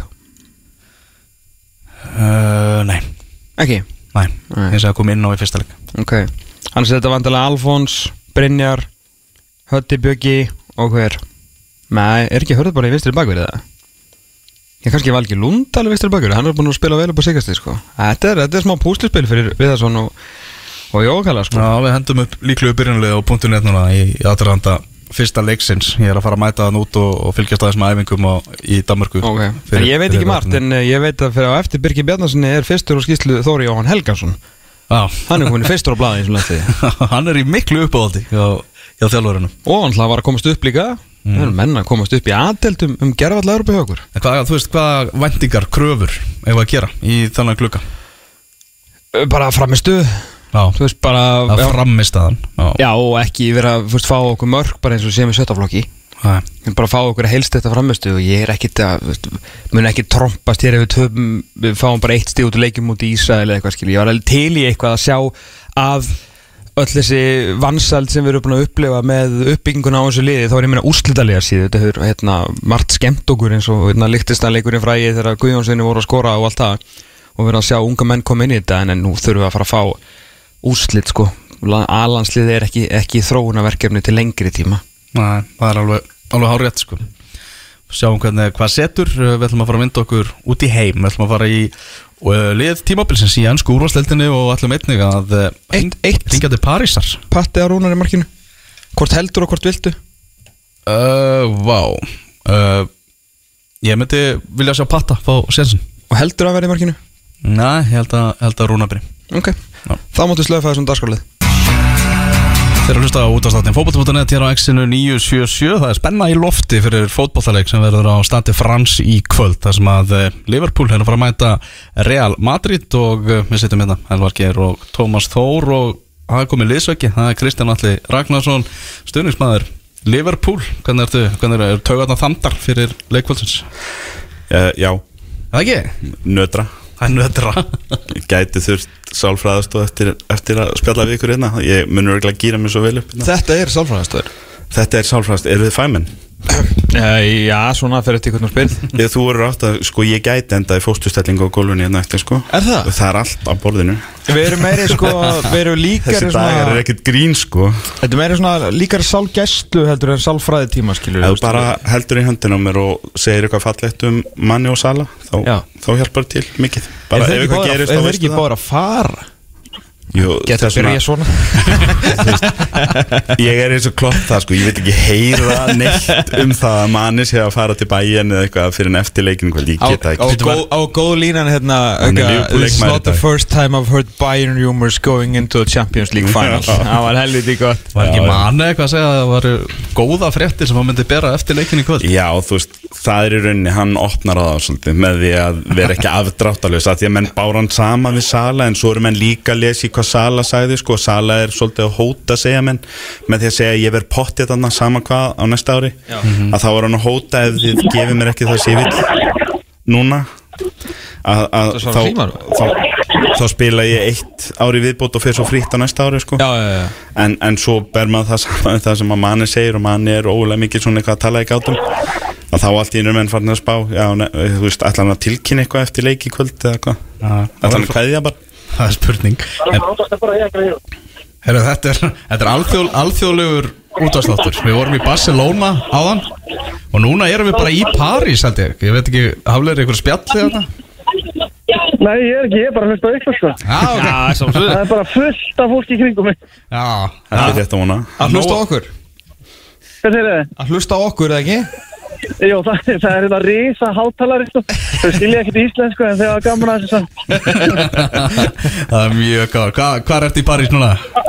Er ég bara svona 200 metri frá vellinum Já Það er svona smá torkið sem fólk er Þetta- þetta að er manga bara Þetta er nú ekki, fyrir það sem hafa nú farið á þennan leikvang Þetta er nú ekkert sérstatt hverfi hérna St. Denis hverfið sem að leikvangurinn er í Nei, það er samt aðeins nýrtilegur þetta en maður er vanur hérna sko Það er allavega greinleika aðeins búið að taka til fyrir leikin sko. Já, það er aðeins verið að, vera, vera að sína sig. Er þú komst að og varst á, varst á æfingum í, í, í gær Bæði hjá Liverpool og Real Madrid Og, og hvernig, hvernig voru menna að standa sig á æfingunum? uh, Æfingarnir voru náttúrulega svolítið svona Það var enginn að undirbúa neitt fyrir hvað að gera í kvöld sko. Nei. Leopold var bara þar og menn bara reyta spil og leika sér að reyna að hitta í slána og meðan að Real Madrid fóru bara í spil Mhm. en, en Real Madrid var með svona hópstundsmanna sem var með svona passa bara fyrir æfinguna. Já, ok. Allir að taka myndir á símastins Já, Furðulegt aldurslót það, já, það var svona vinalegt bara. Það var engin, það greint að þeir alltaf ekki týna neinn spil á þessari æfingu sko, fólksliði Varum við að skoða myndirnar frá þér hérna, myndavislunar og, það var bros nánast bara á hverju andliti. Menn eru mættir hérna að glæðjast Já, já, þetta er það reyndir menn þeir þeir eru ekki að stressast yfir þessu, sko Nei, nákvæmlega. Þarna, það er allt tróðið þarna. Er, er, er eitthvað læti í fólki eða bara, bara gleði? Það er bara gleði, sko. Ég tók Uber hérna á völl í morgun og það sagði mér að vera trí, trí risa viðbyrðir í Paris yfir helgina. Það er náttúrulega opna franska hérna í tennisinu Já, Natali mættur hérna, þetta er að mæta leikin í kvöld. Ok. Og svo er það náttúrulega ústunduleikum meistardildarinnar hér á Statu Frans Mhm. Það voru 60.000 manna samkoma 40 myndi frá leikongum þar sem stuðnismenn Leopold koma saman. Já. 60.000 mann við Ríkja Það er 60 mann sem er að fara bara til Parísar og vera hérna að horfa á þetta risaskjá. Já, Já, það það vissi ekki meira almatri þannig bjóst við að það eru muni minni samkoma það í þeim Já, en það er ekkert grín og ekkert hlaupið að því að fá miða á, á svona fótballtalegin Nei, er þetta ekki að ganga það að fylgja 500-400.000 Ekki nema. Ekki nema. Þannig að það er örugglega ekki, það er enga bullur sem verða sem velli í kvöldildi. Nei. Það er bara menn sem eiga peninga. Já, og þú verður náttúrulega nánast bara í eldlínunni, þú verður náttúrulega að mynda þetta þannig að þú verður í já, eins mikill nálægð og, og hægt er að vera við, við hann ekki í kvöld. Já, ég er bara onni grassinu bara, einu metra frá. Er, þú ert náttúrulega stuðnismæður Liverpool, hvað þetta hlýtur að vera það hlýtur að kýtla aðeins þetta verkefni sem þú ert að fara í í kvöld? Já, svolsög, ég hef bara búin að mynda fótballtöldum allan heim en ég hef aldrei myndað Leopold þannig að það verður mjög gaman sko. En hverjar er eru, ekki svona stórleik hvað myndur þú segja er mikla líkur að þið haflega að þú veist 93 ára á klökunni, Leifbúli 2-1 yfir Benzema kæst einn yfir að þú rjúki bara inn á taklinu Sko, ég náði að haga mér í leiknum á móti England í nýs og Austuríkis í leiknum þegar við skorum sigumarki í lokin. Já, þá held ég ekki alveg að haga mér á liðbúleik sko. Gerum meir Íslandíkur heldur en fúlari sko. Já, ég ætla reyndar að draga þessa fullinningu inn í Eva En uh, Nei, þetta er alveg, alveg geðveitt maður að vera bara ofan í grassinu Ertu búin að fá sætið það? Nei, ég fæði ekki að velja fyrir hálf sex að frönsku tíma, það er hálf fjögur. Ok Þannig að en Paris annars að fara, fara vel með þig að Já, bara frábært, gott veður og bara þannig svipa á Íslandegin er ekki sól og blíða? Það er reyndar alltaf bongo hér sko, ég veit ekki hvað gerðist Þannig að maður standa okkur svo vel í global warming, ég aldrei séð hann aðeins sko. Það er bara stormar, stormar á veturnar og bongo á sumriðin sko. Það Hérna, passa ykkur að láta bílana ganga á nóttinni þá fáum við svona veður á sumurinn sko. herru, hérna, tölur, hvernig fer þetta? Er ég ætla að fara í fjögur þrjú fyrir Leopold Já, Það verður sko Þetta er alveg spás Vá, nú, nú kemur kvíakastin sem ég var að tala um að Takk við, við, við erum bara að fara í svona ala veðstæðintir sko. Já, geðvitt Herru, við ætlum að, ætlum að fara að hugga Kristján alltaf hérna og tala betur um hann leik. Hafið skemmt þig vel í kvöldunur Alveg breyfður í París. Í París, Ah. okkar útsendari þar. Herðu gleði og glaumur, stappfullu völlur Fullt, fullt, fullt, fullt, fullt, fullt liðbólumum sem að eru mættir en fá ekki með en alltaf bara Já, já. að njóta en, en þessi leikur per se Liðból uh, mætt þarna engang til. Hem, Er þetta hemdarleikur? Já, Sala setti það þannig upp. Já. og það er allir aðri búin að vera að reyna að býta það sér í þrjáríkur en það bara það hefur ekkert að segja. Sala bara kom í, í þann farveg og þar bara er þessi leikur. Þetta er hendarleikur hérna fyrir Leopold þetta er náttúrulega svolítið skrítið að því leitunum til sko. við erum voða duglega í Leopold menn að að berja okkur á brjóst og segja sko að Evrópa sjokkar heima öllur og, Jú, jú, jú. og þar eru við sko, þú veist, öðrum fremri og það, þið eruð ekki vöni að spila í Evrópa eins og Leopold nema Real Madrid er eitthvað lið sko Þannig að þú veist, þetta er eina liðið í allri Evrópu, burt sér frá því hvort Real eru súpegóðir eða ekki súpegóðir á hverju gefnum tímabili sem að horfir framann í Leopold og segir, já, eru þið vannir að vera hér? Já. Þurrki af skónum, þetta er, þið eru inni í stofu hjá okkur, sko. Já Þú veist, þið eru í heimsókn hjá okkur, ekki? Eina lið með sko two-pít í sögunni sem Já. varð að three-pít og sko Já. fjórum og fimm Já, þannig að, að þú veist, það er ekkert og, og í rauninni real kannski við getum sagt það svolítið á móti með real að real kannski horfir á París og Manchester City og þeir stóðu sér frábælega þar en þeir vita kannski líka ef að Liverpool er á þessu leveli sem París og Manchester City eru að það er, það er önnur Evrópu pedigrí í gangi hér og þeir horfa á þetta og segja þetta er ekki lið sem er líklegt til að halda þetta sér komið eftir 8-10 myndur eða, eða ætla að þú veist eitthvað, Þe- þetta verður bara barist. Alveg eins og síðasti leik var fyrir fjórum mánu þá voru Liverpool talsast léleri en þeir eru í dag og, og real í rauninni betri ef maður hugsaður þannig. Og, og svo náttúrulega lendi Liverpool í blóðtöku að, að missa sala eftir hálftíma. En þú veist hérna svignaði en brotnaði ekki skilur, það var bara leikur. Þangað til í raun að Garð Bill kemur inn á og gerir út um hann að- í samflóti við Loris Karius. Og hérna þú veist, það var bara leikur. Þannig að það er bara það sem ég, ég, sko, ég veit ekki hvort, ég veit ekki með að spá mörkunum sem að haflega að spá en, en, en ég, þú veist ég er því steinhissa ef að Leopold vinnur þetta 3-0 og ég er því steinhissa ef að Real vinnur þetta 3-0 Já. ég held þetta sé bara leikur þetta séu tvö lið sem að bara kunna á Evrópu eru með mesta Evrópu pedigrí í síðustu árin og eru hvorugt eitthvað hrætt við hitt. Hafa verið að ofta áður vanir þú veist þessi gæjar kunna þetta allt í báðum liðum. Þú veist það er engin, þú veist það er ekkert stress í Modric og Benzema í dag, það er ekkert stress í Van Dijk og Sala í dag, menn eru bara að fara að mæta og gera það sem gera best.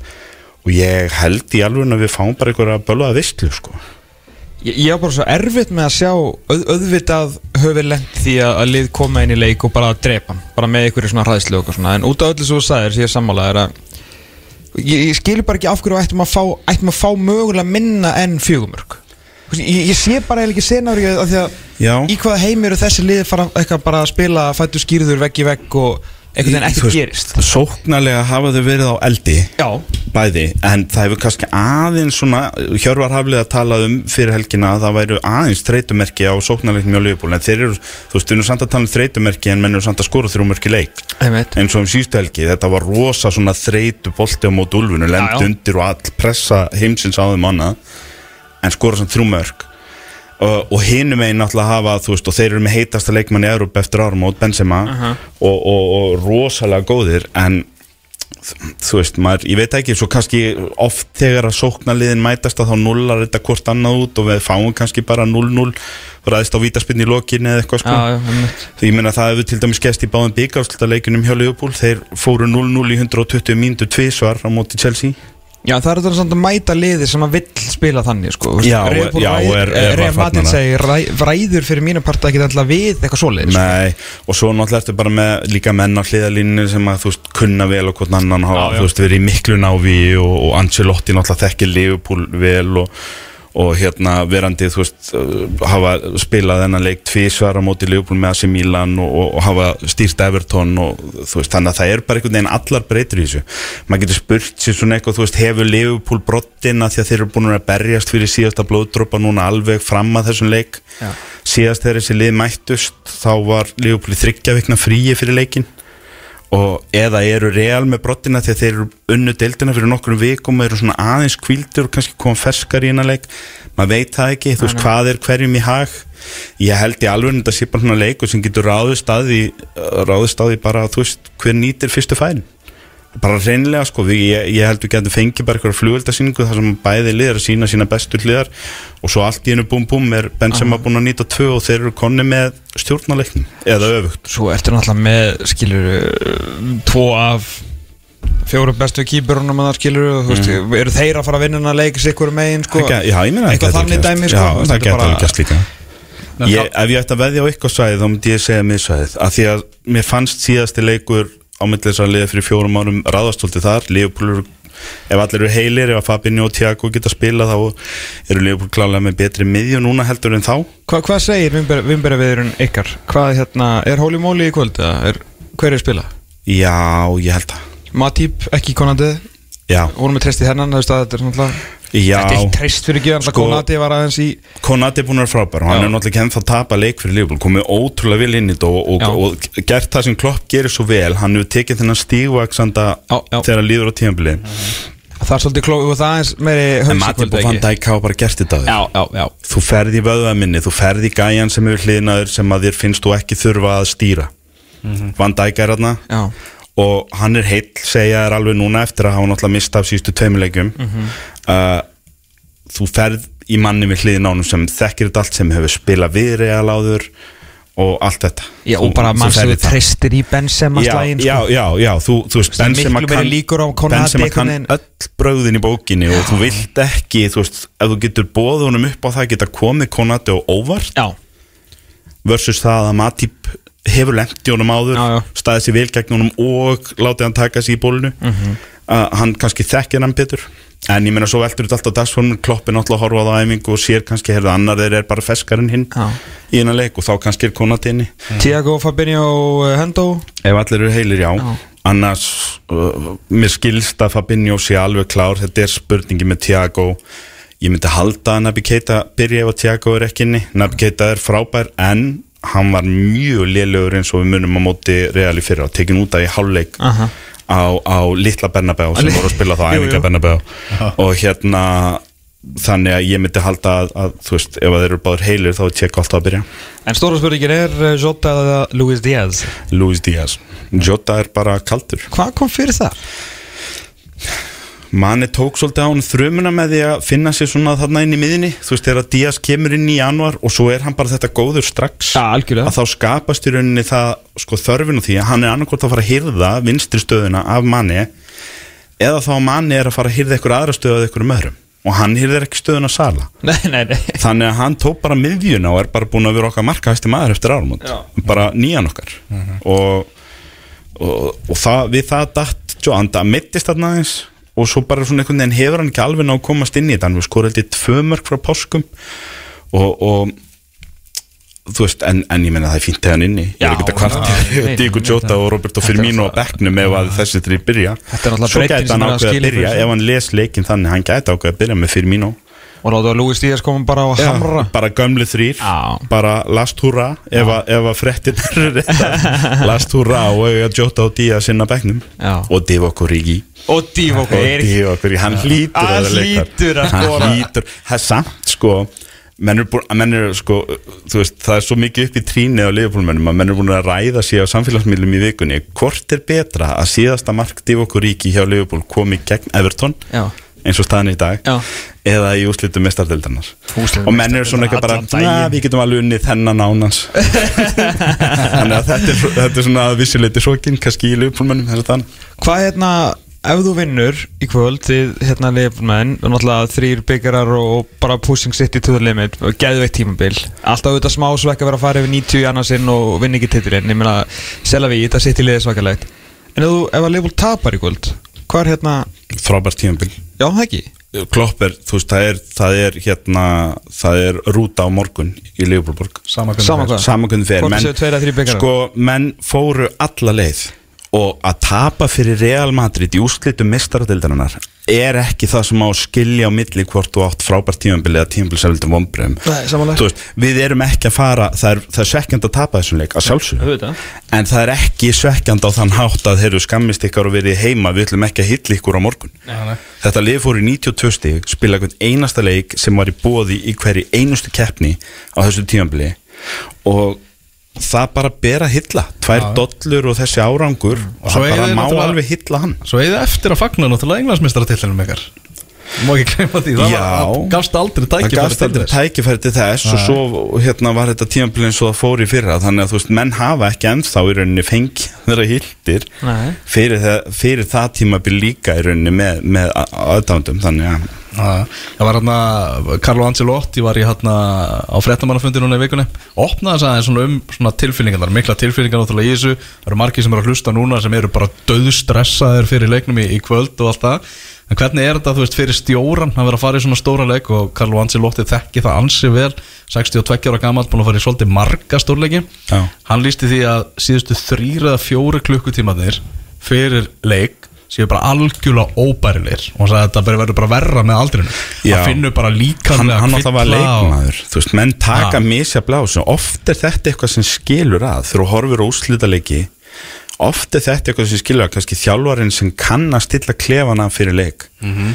og jafnveg leikmenninni sem að þú veist, kannski er Sala bara típan sem að er bara sultu slagur og meðan að manni fer í panik. Þú veist, eða kannski er eitthvað, kannski er hérna uh, Rodrigo svona slagur á meðan að Vinicius fyrir panik fyrir hennar leik, við vitum það ekki fyrir hennar reynir sko.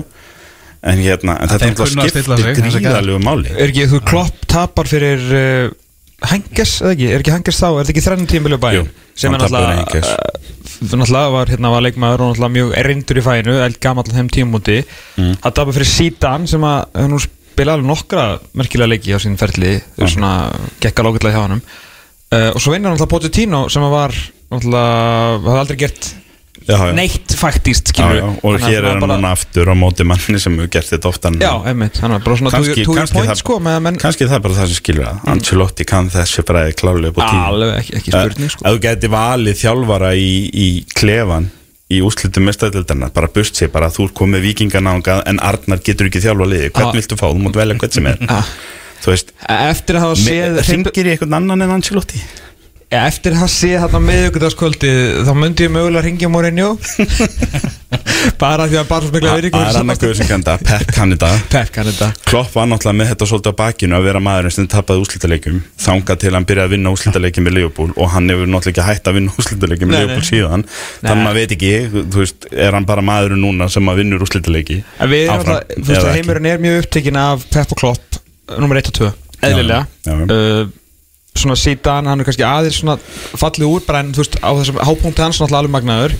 En í dag er þetta Pep og Klopp. Þetta eru, já hans er flikk kannski líka aðeins dottin út af þessum svona topp 5 lista bara því hann fór frá bæinn Já. en þú ert með í staðinn náttúrulega hérna hverjir eru hérna uppi líka, veist, á það eru fleiri þarna, ég meina sko Þú veist, með þessi nöpsi út alltaf að tala um sko, þú veist, það er allir þessi þjóðverjar og svo einhvern veginn í aldrei í umræðinni er einhvern veginn Ancelotti þráttur allt sem hann hefur gert sko. Já, hann, hann er það einhvern veginn aldrei. Ég man eftir því þegar að Brenda Rodgers var látin fara frá Liverpool þá hérna var ég að tala alltaf reglulega í Liverpool podcasti. Mm. og þar vorum við svolítið splitt sko. Við vorum svolítið að ræða því að bæði Jürgen Klopp og Carlo Ancelotti voru á lausu. Ég var annar af, ef ég maður þetta voru tveir á móti tveimur. Ég var annar af tveimur sem var eiginlega meira til í Ancelotti heldur en Klopp. Já. Og, og, og mér fannst það ekkert gali þá. Ég horf ekki tilbaka núna með allt sem Klopp hefur gert og finnst það að hafa verið galin afstæða að, ég, að segja þú veist ég væri alveg vel til í Klopp en ég hugsa að ég væri meira til í Ancelotti. Þannig að Ancelotti er bara þar. Já, á þeim tíma er Klopp líka nýbúinn svona það endaði ekki vel hjá bæinn skilu, það var svona Já, Dortmund. Dortmund fyrir bæinn að nákvæmlega sko, það var svona eina tímabilið bara á ferlinum þar sem að hann hann svona nánastu það beðast afsökunar að voru að til varna var skilur svona síðasta minningi kannski ekkit góða Nei, nei, sko. nákvæmlega, nákvæmlega. En, en Ancelotti á klálega heima í þessar umræðu Þetta er maður sem að virðist Þú veist, koma og, og bara standa sig gríðarlega vel hvar sem er Ég Mhm. veit ekki hvort það telur á mótunum að þú veist, þegar hann tók við Everton að þá náði hann svona kannski ekki að hýfa það upp En svo Samt náttúrulega horf- í svo ljósi náttúrulega þess- horfum maður á Everton með öllum öðrum og það Já. er engin annar að gera þannig að kannski var það bara Nei, minnum mest að segja hlutvallið og þú veist einhvern veginn uh, langbestir sko, þetta er hans stjórn. Já, já, síðustu, síðust ára tvíin eða Já, svo sko. já, þú veist, er það ekki bara gullöldi þeirra? Hann á tíma sæti með kjálf Heldur betur. Leikurinn í kvöld verður klukkan 19.00 En uh, nú er staðið þannig að það er bara hálftímið til að þú ferði í sumafrí Kristján Alli Já. Já, kannski að benda á það að þannig að fólk kom ekki á óvart í kvöld að það er náttúrulega breytir tímana leikurinn er náttúrulega bara á Viaplay í kvöld. Já, og það hefur Já, upp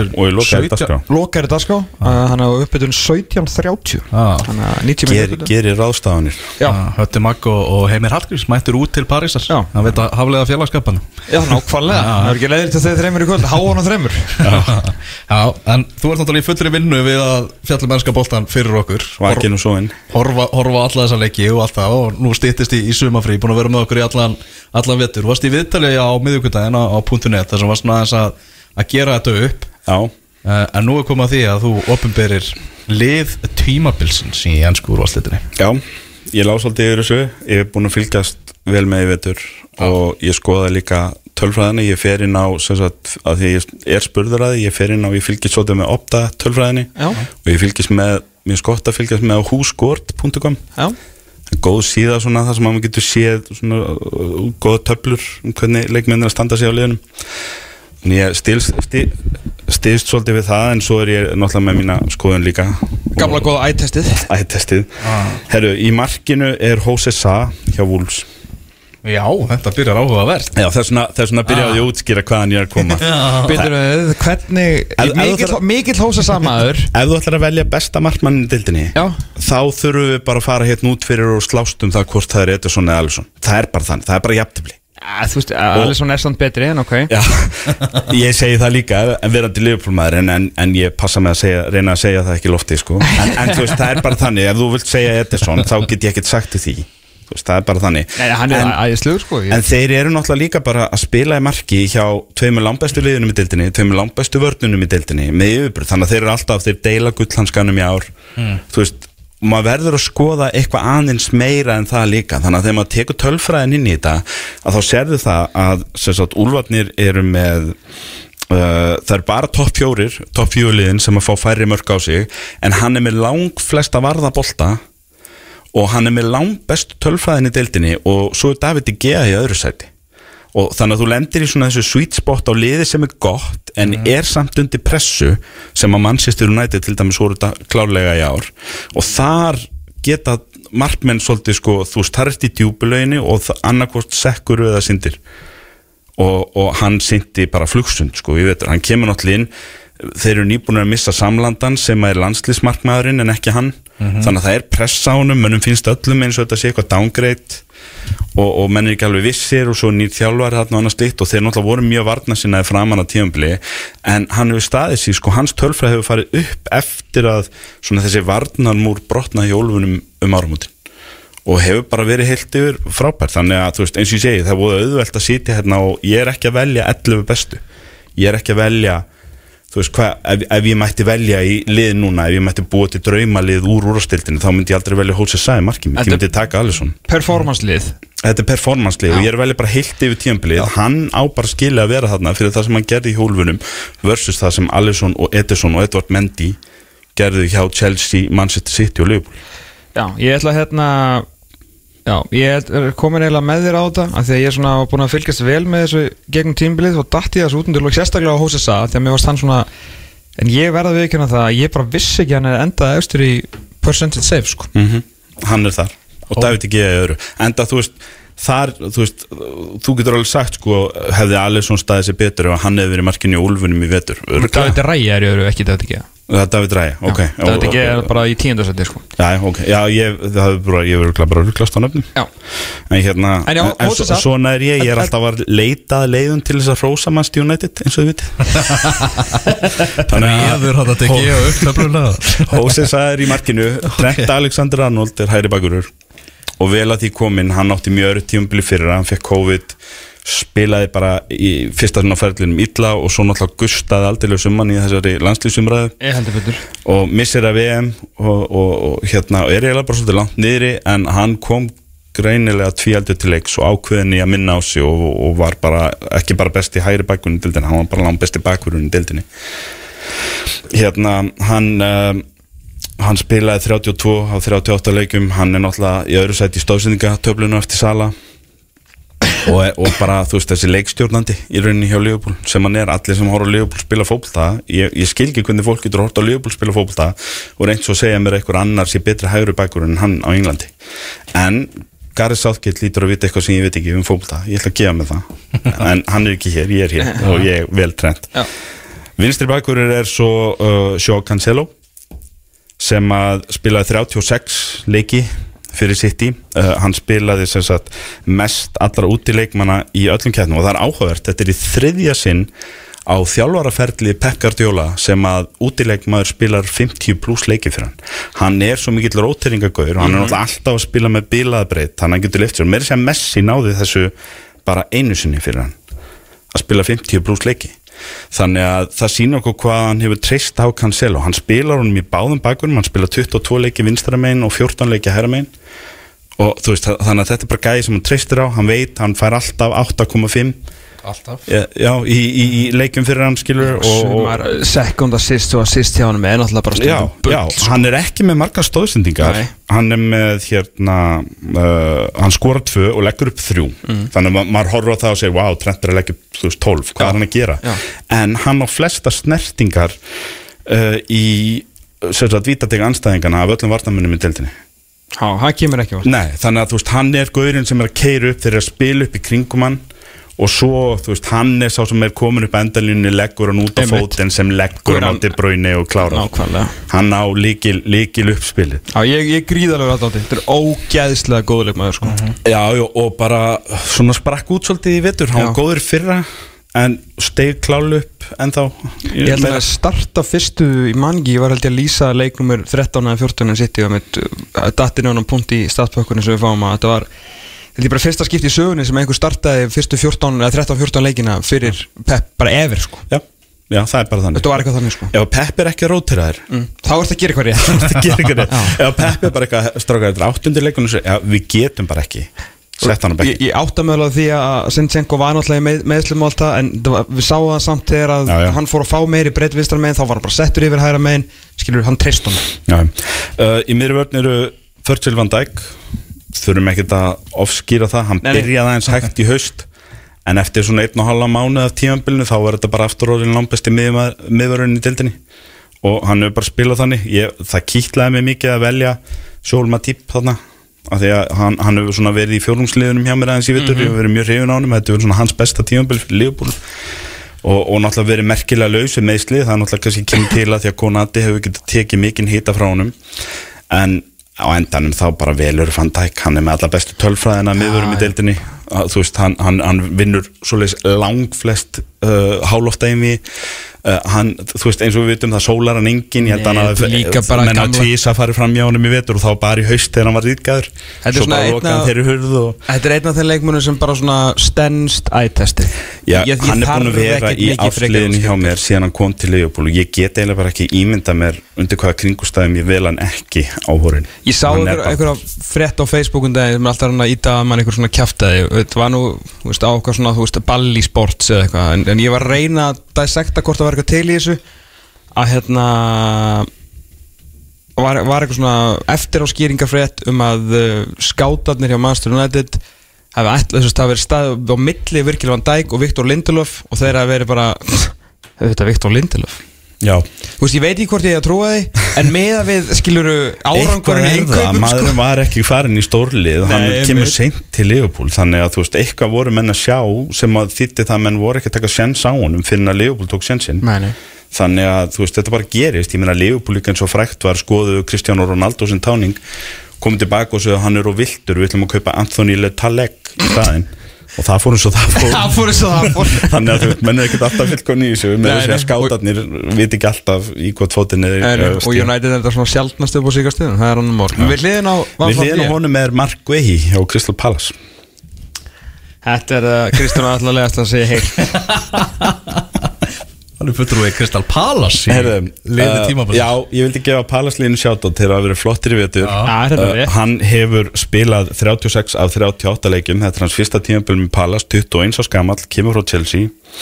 Hann skora tvö og leggur beitt En hann er bara líkil maður í vörn sem er eina vörnin í neðri hluta deildarna sem fær á sig undir 50 mörg Gera þeirri betur Palace er eina liði sem sagt Ég í neðri hlutanum sem er með góða vörn og hann er maður í svona vörn Hann er frændi frængu vinumins Ég skildi þetta ekki alveg sko. En ok. Hann er bara búin að vera frábær Já, og, og hérna ég vona, ég vona. Ruben Díaz fyrirgeði með það sitjandi á ykkur ströndu í Dubai núna eða Abu Dhabi. Mm. hérna en, en já uh, ég vildi bara veluna framistöðu þessa palasliðs og, og hérna ég á með 2-3 svona líklega í liðið og ég kom honum að Ekki Rúdiger Þú veist, ekkert Nei, ekkert- Thiago Silva og Rudiger og, og, Meina, og allir og- hinnir Kristján Romero og, og, og Harry Maguire þeir verða allir að fyrirgefa mér Ég meina Rúdegger er að yfirgefa League og fara í La Liga Þannig að við Það hefum ekkert við hann að gera skuldar, við skuldum honum ekkert. Ekkert. Ekkert, hann var ekkert inn í Mark Gehi, þetta er uh, eina af líka mjög skemmtilegum kaupum uh, Palasmann Herru, ég er með mjög varna sinna mið, ég er með tvo varnatingili og, og síðan einn aðeins sóktjarari Mjög óvanalegt svona úrvalslið Já, Vennilegir menn alltaf að trúa sóknamönnum eitthvað út um allt. Já, ég ætla að spila smá Mourinho bolta sko. Ég ætla, Já, ég ætla, já, ég ætla að loka þessu í 70 myndur og sjá svo til. Og þú lokar þess ekkert betur heldur en með Rodri og Declan Rice. Ah, Hún vinnur sambandstildin á því sitjandi í vörnin, já maður finnir sambastönd Rodri sko, all, þú veist, allir sem horfða á sitt í vetur uh, vita að hverju Rodri er í þessu liði. Hann var bara sturlaður fyrir þá. Ég var svona aðeins að pæla sko eins og með hann og Rice, ég var náttúrulega með Fabinho þarna líka, en Fabinho var bara svolítið mittur og hann spila bara ekki eins marga leiki í vetur, þannig að ég á rosa erfitt með að velja minn mann. Spáum því þá bara til hliðar hann verið maðurleiksins í kvöld. Það, hann, hann sætti sig við það. En Rodri er hann inni hérna Var, e, var Rodri eitthvað hérna, Bjarni náttúrulega valdan besta leikmann deildarinnar í ár Bjarni Viðars Já, enda náttúrulega svona Já. uppsópatum, þú veist, er hann eitthvað er það eitthvað svo galið? Ég meina, Ég gæði maður gjössalega rugglaður sko. Ég hef skoðanir á því hverjir voru valdir bestir í deildinni í ár og bara því getið sko rétt trúa því að ég hef skoðanir á því hvað höfum við langan tíma Kevin De Bruyne og Mo Salah áttu í rauninni ekki að vera valdir bestu leikmynd deildarinnar í ár því að þeir eru hvorur þeirra í rauninni ok, ég skal leila frekar kaupi á Sala en Sala bara varð kaldur eftir Afrikukeppnu og það er bara já. og tölfræðin er ennþá svo og þegar mann eftir 100 ár horfa þetta tíðanbil enginn á lífið sem horfa á leikina og skoða tölfræðina þá hljóta minn að segja þegar þessi Mohamed Salah vist hafa bara verið klikkaður. En hann var ekki bestu og ekki einu sem næst besti eða jafnvel þriði besti leikmaður Liverpool frá janúar og áfram En ég meina, hann, hann bara, Hann var bara leiðin- 85% sem hann Já. gerði var fyrir jól. En hann það er á var leiðin í náttúrulega- sögulegt tímabil áður en Afrikukeppnin kippur honum úr sambandi. Og ef Einmitt. þú vilt segja mér að Virgil van Dijk eða Alisson Becker eða Thiago þessuna eða Jordan Henderson séu bestu leikminn Liverpool í vetur þá get ég ekki mótmælti og það sama er með City. Ég horfa á þetta City og, og ég myndi velja Rodri, ég myndi velja Bernardo Silva, ég myndi velja Ilkay Gundogan. Frekar heldur en De Bruyne. En De Bruyne er náttúrulega bara ættestið er þannig, alltaf þú horfir á City þá, þá- þú veist, þá er De Bruyne bara svo yfirþyrmandi talent að þú, þú veist, þú horfir á leiki með þeim og, og þú hugsa bara með, það, það er bara það fyrir allt í gegnum henni gæði Og það sem var náttúrulega líkt líka með þessum endarspretti og þó að ævintýrlega eltingarleikar hérna 15 leikirnir röð Já. hérna 2018-19 þetta er náttúrulega samnefnir þar er náttúrulega KTB sko Já. hann er heill allan endarsprettin sem var þó lengri 18-19 og þess vegna, ég veit ekki að ég aðtöflega með vestam þeir voru samt annars untouchable sko. Já, en sko máli er það að það er kannski þess, þessi deild enginn svolítið að því að það er engin eitt sem er svona eitthvað kannski bestur alla leiði gegn. Þú veist, ég hefði geti, ég gæti setið hér og fært rauk fyrir Van Dijk en við erum þá undaskilja fyrstu tvo mánuðina þegar hann var að spila sér í gang. Já, en- en og svo bara skellti Leopold lás ef ég ætla að svara því, þá myndi ég alltaf segja jú, Rodri Já, Rodri er sá sem En það er það sem ég en- ætla að segja. Hann er sá sem kemst næsti og, og sko að því að hann er bara þarna allan veturinn og hann er bara algjör, þú veist, hann er miðjan á tannhjólun Mhm. í allan vetur hjá hann, skora sjö mörg hann Já, er, og sko hann, er, hann, er, hann, er að, hann er að bróta upp langflesta sóknir hjá anstæðingun þessi bæja pressa mæl, náttúrulega. sko.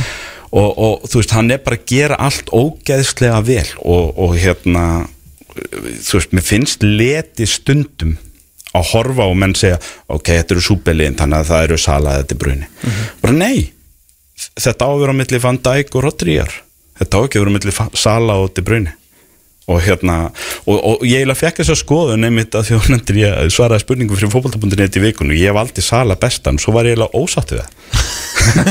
Og ég var svona eitthvað að taka sjálfa mig á teppi setna um kvöldi, hvað er þetta að gera? Hvað, að- þú vei- veist ekkert um fótbolta? Hvað- þú ættir að tala um Van Dijk og, og, og Rodri. Hvað endaði að- Salah í? 36 gólsum sýst eða? 30? Já, eitthvað svo leiðis en, en sko, hann skorar held í fjögur eftir Afrikamóti þú veist, þú sér það- sem hann var á leiðinni í sko, Son, guð. son nær honum sko Já. og, og þú veist, og ef að Son hefði spilað og, og Harry Kane hefði spilað eitthvað getur fyrir árum þá hefur sennilega báði farið fram úr honum Mhm. og ef United hefði ekki hrunni þá hefur Ronaldo örgulega farið fram úr honum líka hann er bara þar sko, hann var á leiðin í 40 marka eins og fyrsta tímabili sitt Einmitt. en svo bara slöknar á hann En ok, ok, við erum já, að halda á Rodri og, og Declan Rice geggjaður leikmaður. Declan Rice uh, spilar 36 leiki uh, hann er bara hjarta í öllu á vestam Já. þetta er bara gæi sem að var búinn að slá í gegn komin inn í enska landslið og svo finnst mér hann bara hafa stíð enn, enn og aftur þú veist, eða upp um annað level í vetur og, og hann er bara svona líkillin að því ef að Mikael Antonio var kannski svona sá sem histi fyrirsætnar hjá Vestam í fyrra þá fyrir þetta allt í gegnum Declan Rice í ár. Hann er sá sem að skapa stöðuleikan hjá þeim og, og, og hann er bara svona Steven Gerrardin þeirra. Og Já, en það er nefnilega svona skemmtileg samlenging því að við vorum með, með segment um hann eftir svona fjóra mánuði eða eitthvað þar sem að hérna, fengum brjálaði tölfræði og hérna, gerðum myndi með í hvernig hann var að stíga upp í að bera boltan upp sko, en bera boltan fram og búa til eitthvað, ekki bara sérst að koma með hann heldur sendingarna sem hann gefur síðan og valmöguleikarnir að það er engin í deildinni bætt sig að mikið í svona alls konar Já. ekki kannski beint goals en assist stat en þú veist dribbling og bara hérna key passes og svona stótt sko. Bara frábæleik Frábær leikmaður. vel að þessu komið. Fyrir fram að þá er síðan Bukayo Saka. Uh, ég set hann svona fremstan á miðina því ég þarf að koma hann mjög stað fyrir. Hann á bara vera í slið og þá ætlum ég að koma að setni helmingtum að þessu randi mínu. Phil Foden er ekkert besti ungi leikmaðurinn í ár hann er það bara ekki. Hann er ári eldri en Saka og hann er að gera minna samkvæmt öllu, allri tölfræði í miklu betra liði og við miklu betra aðstæður. Bukayo Saka er tvítur og hann þetta arsenali á herðunum í allan vetur. Hann skorar flest mörg hann leggur upp mest fyrir félagið. Hann uh, spilar yfir 30 leiki sko, og ég get, þú veist, enn og aftur þarna hefði ég getað sett í Brune og enginn hefði sagt neitt ég hefði getað sett Bernardo Silva og enginn hefði sagt neitt uh, fyrir þess ert fótinn þú hér. hefði getað verið hérna og enginn hefði sagt neitt en mér finnst bara hann er áringrin fótinn og hann spilar betur um fótinn og mér, fyrir mér þá er hann mitt val fyrir best ungi leikmaður í sér dild og bara er by a Ræðum Störling mile. flottin loksins út úr þessu eða? hann er ekki lengur efnileg enda á leiðinni til Spánar eða eitthvað. En hérna, þannig að já, Saka, er þarna. Saka í tíunni. Já, við höfum talað áður, um það með Bukayo Saka líka, þú veist að hann eigi þetta tímabil eftir vombriðin í úslitaleiknum á EM sko. Þetta, menn eru í Já. alvörunni ennþá að til dæmis afsaka Harry Maguire að því að sumarið hafi verið honum erfitt. Þú veist að, að þetta er svo mikið vombrið hjá Englandi bla bla bla og síðan lendir hann í þessu sem hann lendi í Gríklandi Jú, jú, jú. Hvað þú veist, hvað getur við þá sagt um Bukayo Saka? Gæðin var 19 ára þegar hann klikkar á spinninu sem að færi í tölunum örbumestarðitin Mhm. lendir í öllum rasismannum og öllu rugglunum sem hann lendir í ógeðinu þar og eftir og hann bara dustaði þetta á öxlunum og bara mætti vinnun og var áfram langbestur í Arsenal. Geggjaður. Og eitt besti leikmenn til þetta ég, hérna, og góðu félagi minn alltaf Ég held- Bjallaði með lengi í dag ef ég mætti velja eitt leikmann í deildinni sem ég geti stólið til Liverpool þá væri það Bukayo Saka Ekki Gerald Bowen eða? Nei. Jared Bowen er alveg á lista sko. En Hann er- hann er mest að- með En ég var, alveg, ég var alveg til í Jared Bowen sko Það er væri til í. Liverpool leikmaður sem ég séð. Já, já, ég var alveg til í hann ég, væri til, ég hef sagt áður, ég væri til í Son auðvitað og auðvitað væri- myndi já maður það væri til í hann Já, og þú veist, ég myndi ekki segja nei við, við De Bruyne eða eitthvað sko. En, en ef ég mætti velja, þú veist, Saka er tvítur Já, veist, hann hefur hann, þakkið er ef að. Arsenal gefa honum rétt umhverfi og ef ekki þeir þá ykkur ræðir eftir 2-3 ár. Þetta er frábæri já, þá er þetta bara og- bila talent næsta einu og halva áratugin í Og þetta predika fyrir kortum hér Fjölurum ekkert mikið um það við nei. tala nógu mann hann, hann er hann að hæra megin. Harry Kane er í miðinni og Og Sonny. Hjóng Min Son er vinstra megin. Og ég menna þú veist, Jota var svo sem kom til greina. Ég valdi hann í fjónúsliði síðast með Sala Ah. hann er frammi. Jota datt bara úr sambandi. Ronaldo svona er á bekknum í þessu liði en, en ekkert, næri einhvern veginn ekki að vera meira en það. Ég held þetta hafi verið tímabilið þar sem að Vardi datt svolítið úr þessar umræðu er ekkert við sem hann kom inn í hann aftur. Aldurinn kannski aðeins að ná honum hann er ofta mittur og hann en Kane og Son eru það með Sala. Getur Þetta er við farið hérna, skemmtilega semst, The Brazilian Name leikin ef þetta væri Soninho væri við að tala um hann sem top 5 leikmann í heiminum? Já. Þetta er ár eftir ár eftir ár eftir ár er að delivera ótrúleg framistaða og ótrúlegur stöðleiki og gæin er Þetta náttúrulega er 20 mörg pluss án þess að taka eitt gæin er einasta víti náttúrulega sko. megastjarnar í heimalandinu Heldur betur. þú veist, hann er bara á sama stað og Mo Salah í já. og Sadio Mane í Senegal. Hérna þetta, þetta er bara galið. Það háir honum kannski alveg eins og með Harry Kane að þetta tóttin vinnur aldrei neitt. Nei, nei, það er vandamálið þarna meira sér að þeir hafa átt sjensin á því þá hefur liðið alltaf einhvern veginn að Mhm. spörsa því eins og það er. Byggð tóttinam stund með næsökunar en, en svona tölum við hinn um ykkur því miður þið verður bara að vera meðut um það. Vonandi kannski, þú veist ég held að tóttinamli verði alvörulega á næsta ári. Konti er þegar búin að staðfesta að hann verði kýr ég býst Er, ekki er við það að sjá neinu. fyrsta manni sem er að fara að kaupa núna? Ivan Perisic þetta er bara Þrítur þetta er bara fæmennskan Þetta er bara Þetta er Konti fagmennska. vill bara fleiri kalla. Bara kalla, kalla hann til að að vinna byggar hann ætlar að eiga þennan á bekknum takk fyrir.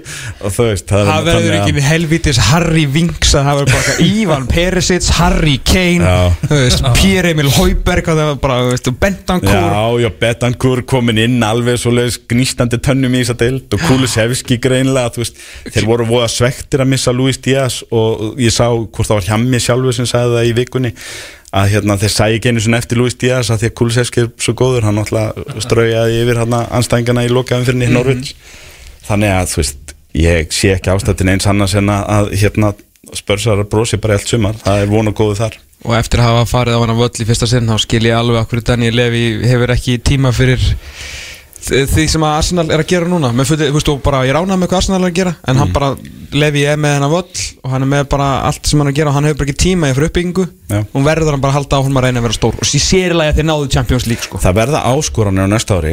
Þeir náttúrulega ætla, ætla sér hluti. Kont er ekkert að fara bara í mistardeldina til að taka þátt og, og, og, og, og hérna fá, fá eitthvað barmerki sko. Nei.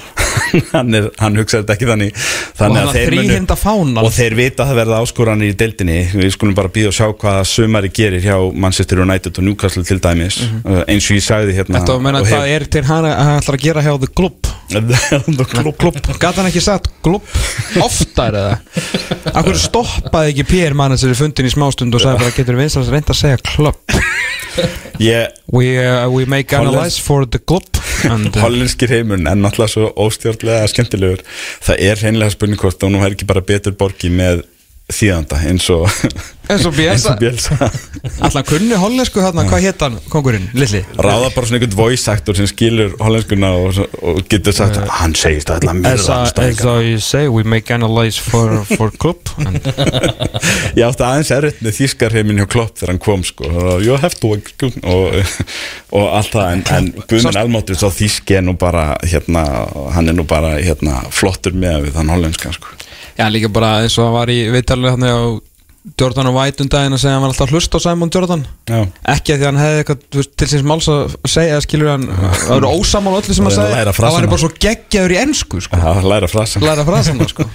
Já, Manchester City kláraði þetta á lokadaginum á, á, á sunnudaginn. Óskar Manchester United stuðnismönnum til hamingi með það? Var margir sem stukka á vagnir með Manchester City Ég, þarna í- sk ég skil þetta ekki sko. Ég ætla ekki að fara langt í þetta En ég tók náttúrulega eins og allir lífbólmenn Sultu slagur fram að leikti Svo allt í hennu bara úlvarni konin yfir Og sitt í að tapa.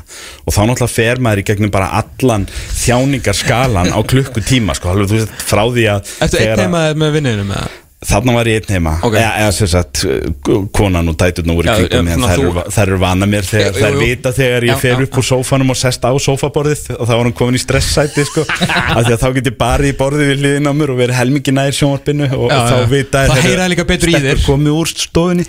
F- leikum aðeins úti núna. En hérna- reyður Nei, pappi stressaður. Pabbi stressaður. En hérna, sko, ég skil ekki þetta hugafar Sko, fyrir mér þá stæðjar bara ógn að þessari deild. Það er bara, menn voru að benda á eftir þetta. Ef að Liverpool væri ekki búið að stígu upp með bara legendary liði síðustu fjögur árin Þá væri þessi deild búin að vera grín. Því að það er engin annar nálægt City. Og verði ykkur að góðu að Liverpool menn skuli hafa gert þetta spennandi. En City eru samt búinir að vinna fjóra að fimm titlum. Og það er annað Manchester City lið á leiðinni. Það mun taka á svona tvö ára eða halda rétt á spöðunum En Newcastle er á leiðinni angað Hvað, þú veist, ég skil alveg þórðargliðin Auðvitað finnst okkur gaman þegar United er að standa sýtlið að tapa úslítaleika eða eitthvað. Og ég skil þetta alveg. En getum við haft smá yfirsýnina? Því að hvað ætlið að gera ef að allt fer eins og ykkur dreymir um United stunismenn með Ten Hag og endur í þessu risans í norðri eða Arsenal menn, allir ykkar drauma rætast og þeir eru konu með annað dreamteam hérna undir stjórn, þú veist, Thierry Henry eða eitthvað eftir nokkur ári eða Tottenham menn, allir ykkar drauma rætast með Conte og Tottenham og Chelsea menn, það bara nýja eigandinn reysir þetta öskustónu og þeir eru frábæra aftur. En þið vinnið ekki þessa til til að Pep og City fara alltaf í 90 pluss tíin sem er bara sjálfgeft þú veist, er við eru menn bara með þá yfirsýn að það bara allt er betra en að Liverpool vinni deildinu þannig ég ætla bara að halda með Manchester City á samfélagsmiðlum opinberlega. Viljið bara girði ykkur í brók? Sína smá sóma hérna og reyna aðeins að ræða hlutina eins og þeir eru. Ég er að Ég held að orðið yfir sín hefði ekki verið mikið notað þegar menn voru svona Nei, og sko það versta vit er það að ég er ekki sem Liverpool-maður að sitja hér í einhverjum fílabinsturni að hnýta í hinna því að þegar að Real Madrid misti af Mbappe með einhverjum sorglegasta og fáránlegasta fótboltasanningi sem hefur verið gerður það sem að þeir basically bara gáfu honum Parisaborg til þess að halda honum Parisamenn Já, En byttu, heldur eftir klubbinn. 20% af uh, image rights maður bara, já ok. Þú veist þetta er svo forkastanlegt að sjá, sjá mesta efni og besta unga leikmann sem hefur komið fram í þessari kynnslóð að ætla að kasta ferlinum svona glæ með því að vera í þessari djókdeild þar sem hann vinnur hann á hverju ári með Paris og er svo alltaf jafn hissa á því að hverju stálið er ekki nógu brínt vel brínt til þess að geta unni meistardeildin á hverju ári. Því að þeir eru ekki neitt í samkeppni heima. Að horfa upp á þetta og, og það er sko langt í það að ég fara eitthvað að vorkina Real Madrid fyrir að missa leikmanni höfum það alveg á hreinu sko. Seint mun ég vorkina þeim. En þórðagliði til dæmis Leopoldmanna á samfélagsmiðlum sem að voru alveg bara hæst ánað með það Real skildi að hafa mista leikmanna þeir, þeir tóku Michael Owen af okkur og eitthvað þeir, það var gott á þá. Getum við haft smá yfirsýn hérna? Þetta er að skemma á Kristján þegar við erum konir í yfirsýn. aðstæður að Liverpool og Real Madrid er eitthvað smálið sem er ekki sjens í þetta hvað, þú veist, getum við aðeins breytt umræðinni getum við kallað eftir smá fagmennsku umræðin Ég, ég bara Ég veit ekki hvað ég að segja Herru, eitt, uh, 90 sekundur Michael Owen, hvað stendur þú? Hattar hann eða? Vinu minn, myndi ekkert endilega bjóða hann með grilli ef hann væri bænum samt Ok uh, Er sagan að hann hefði ekki vilja að koma aftur eða ekki fengi að koma aftur? Liverpool vildu að hann hérna, sem sagt útilökaði önnu lið og segðist, þú veist, það er Liverpool eða ekkert. En hann fekk gott tilbúð frá Newcastle og tók því. Ákvað að býða ekki eftir Liverpool. Og svo fór sem fór. Og svo náttúrulega samdæði Manchester United sem menn bara gera ekki. Þannig að ég skilja alveg. Ég, ég er ekki hann, hann sagði þess að núna í vikunni sko á þessum hérna, fundi sem ég var á að Leifupól hefði ekki vilja að fá hann aftur sko Það er svona að vera svona já, já, ég, ok. ég bara veit ekki, þetta var sagan sem ég heyrði á sín tíma en, en, en fyrir neyru, ég tók þetta út fyrir þig og pakka hann saman í klesubílum Þakkaði fyrir það. Ekki málið, ég hugsaði til. Þín Þakkaði fyrir það. 7. ágúst þá byrjar ennska úrvarsleildin aftur. Þú er komin sumafrið, takk fyrir okkur Kristján. Takk fyrir mig. Stetra sumafrið vanlega þar sem við byrjum alltaf 7. ágúst þannig að uh, fara að brýna nýjana fyrir næstu eldrað. Mæti heitur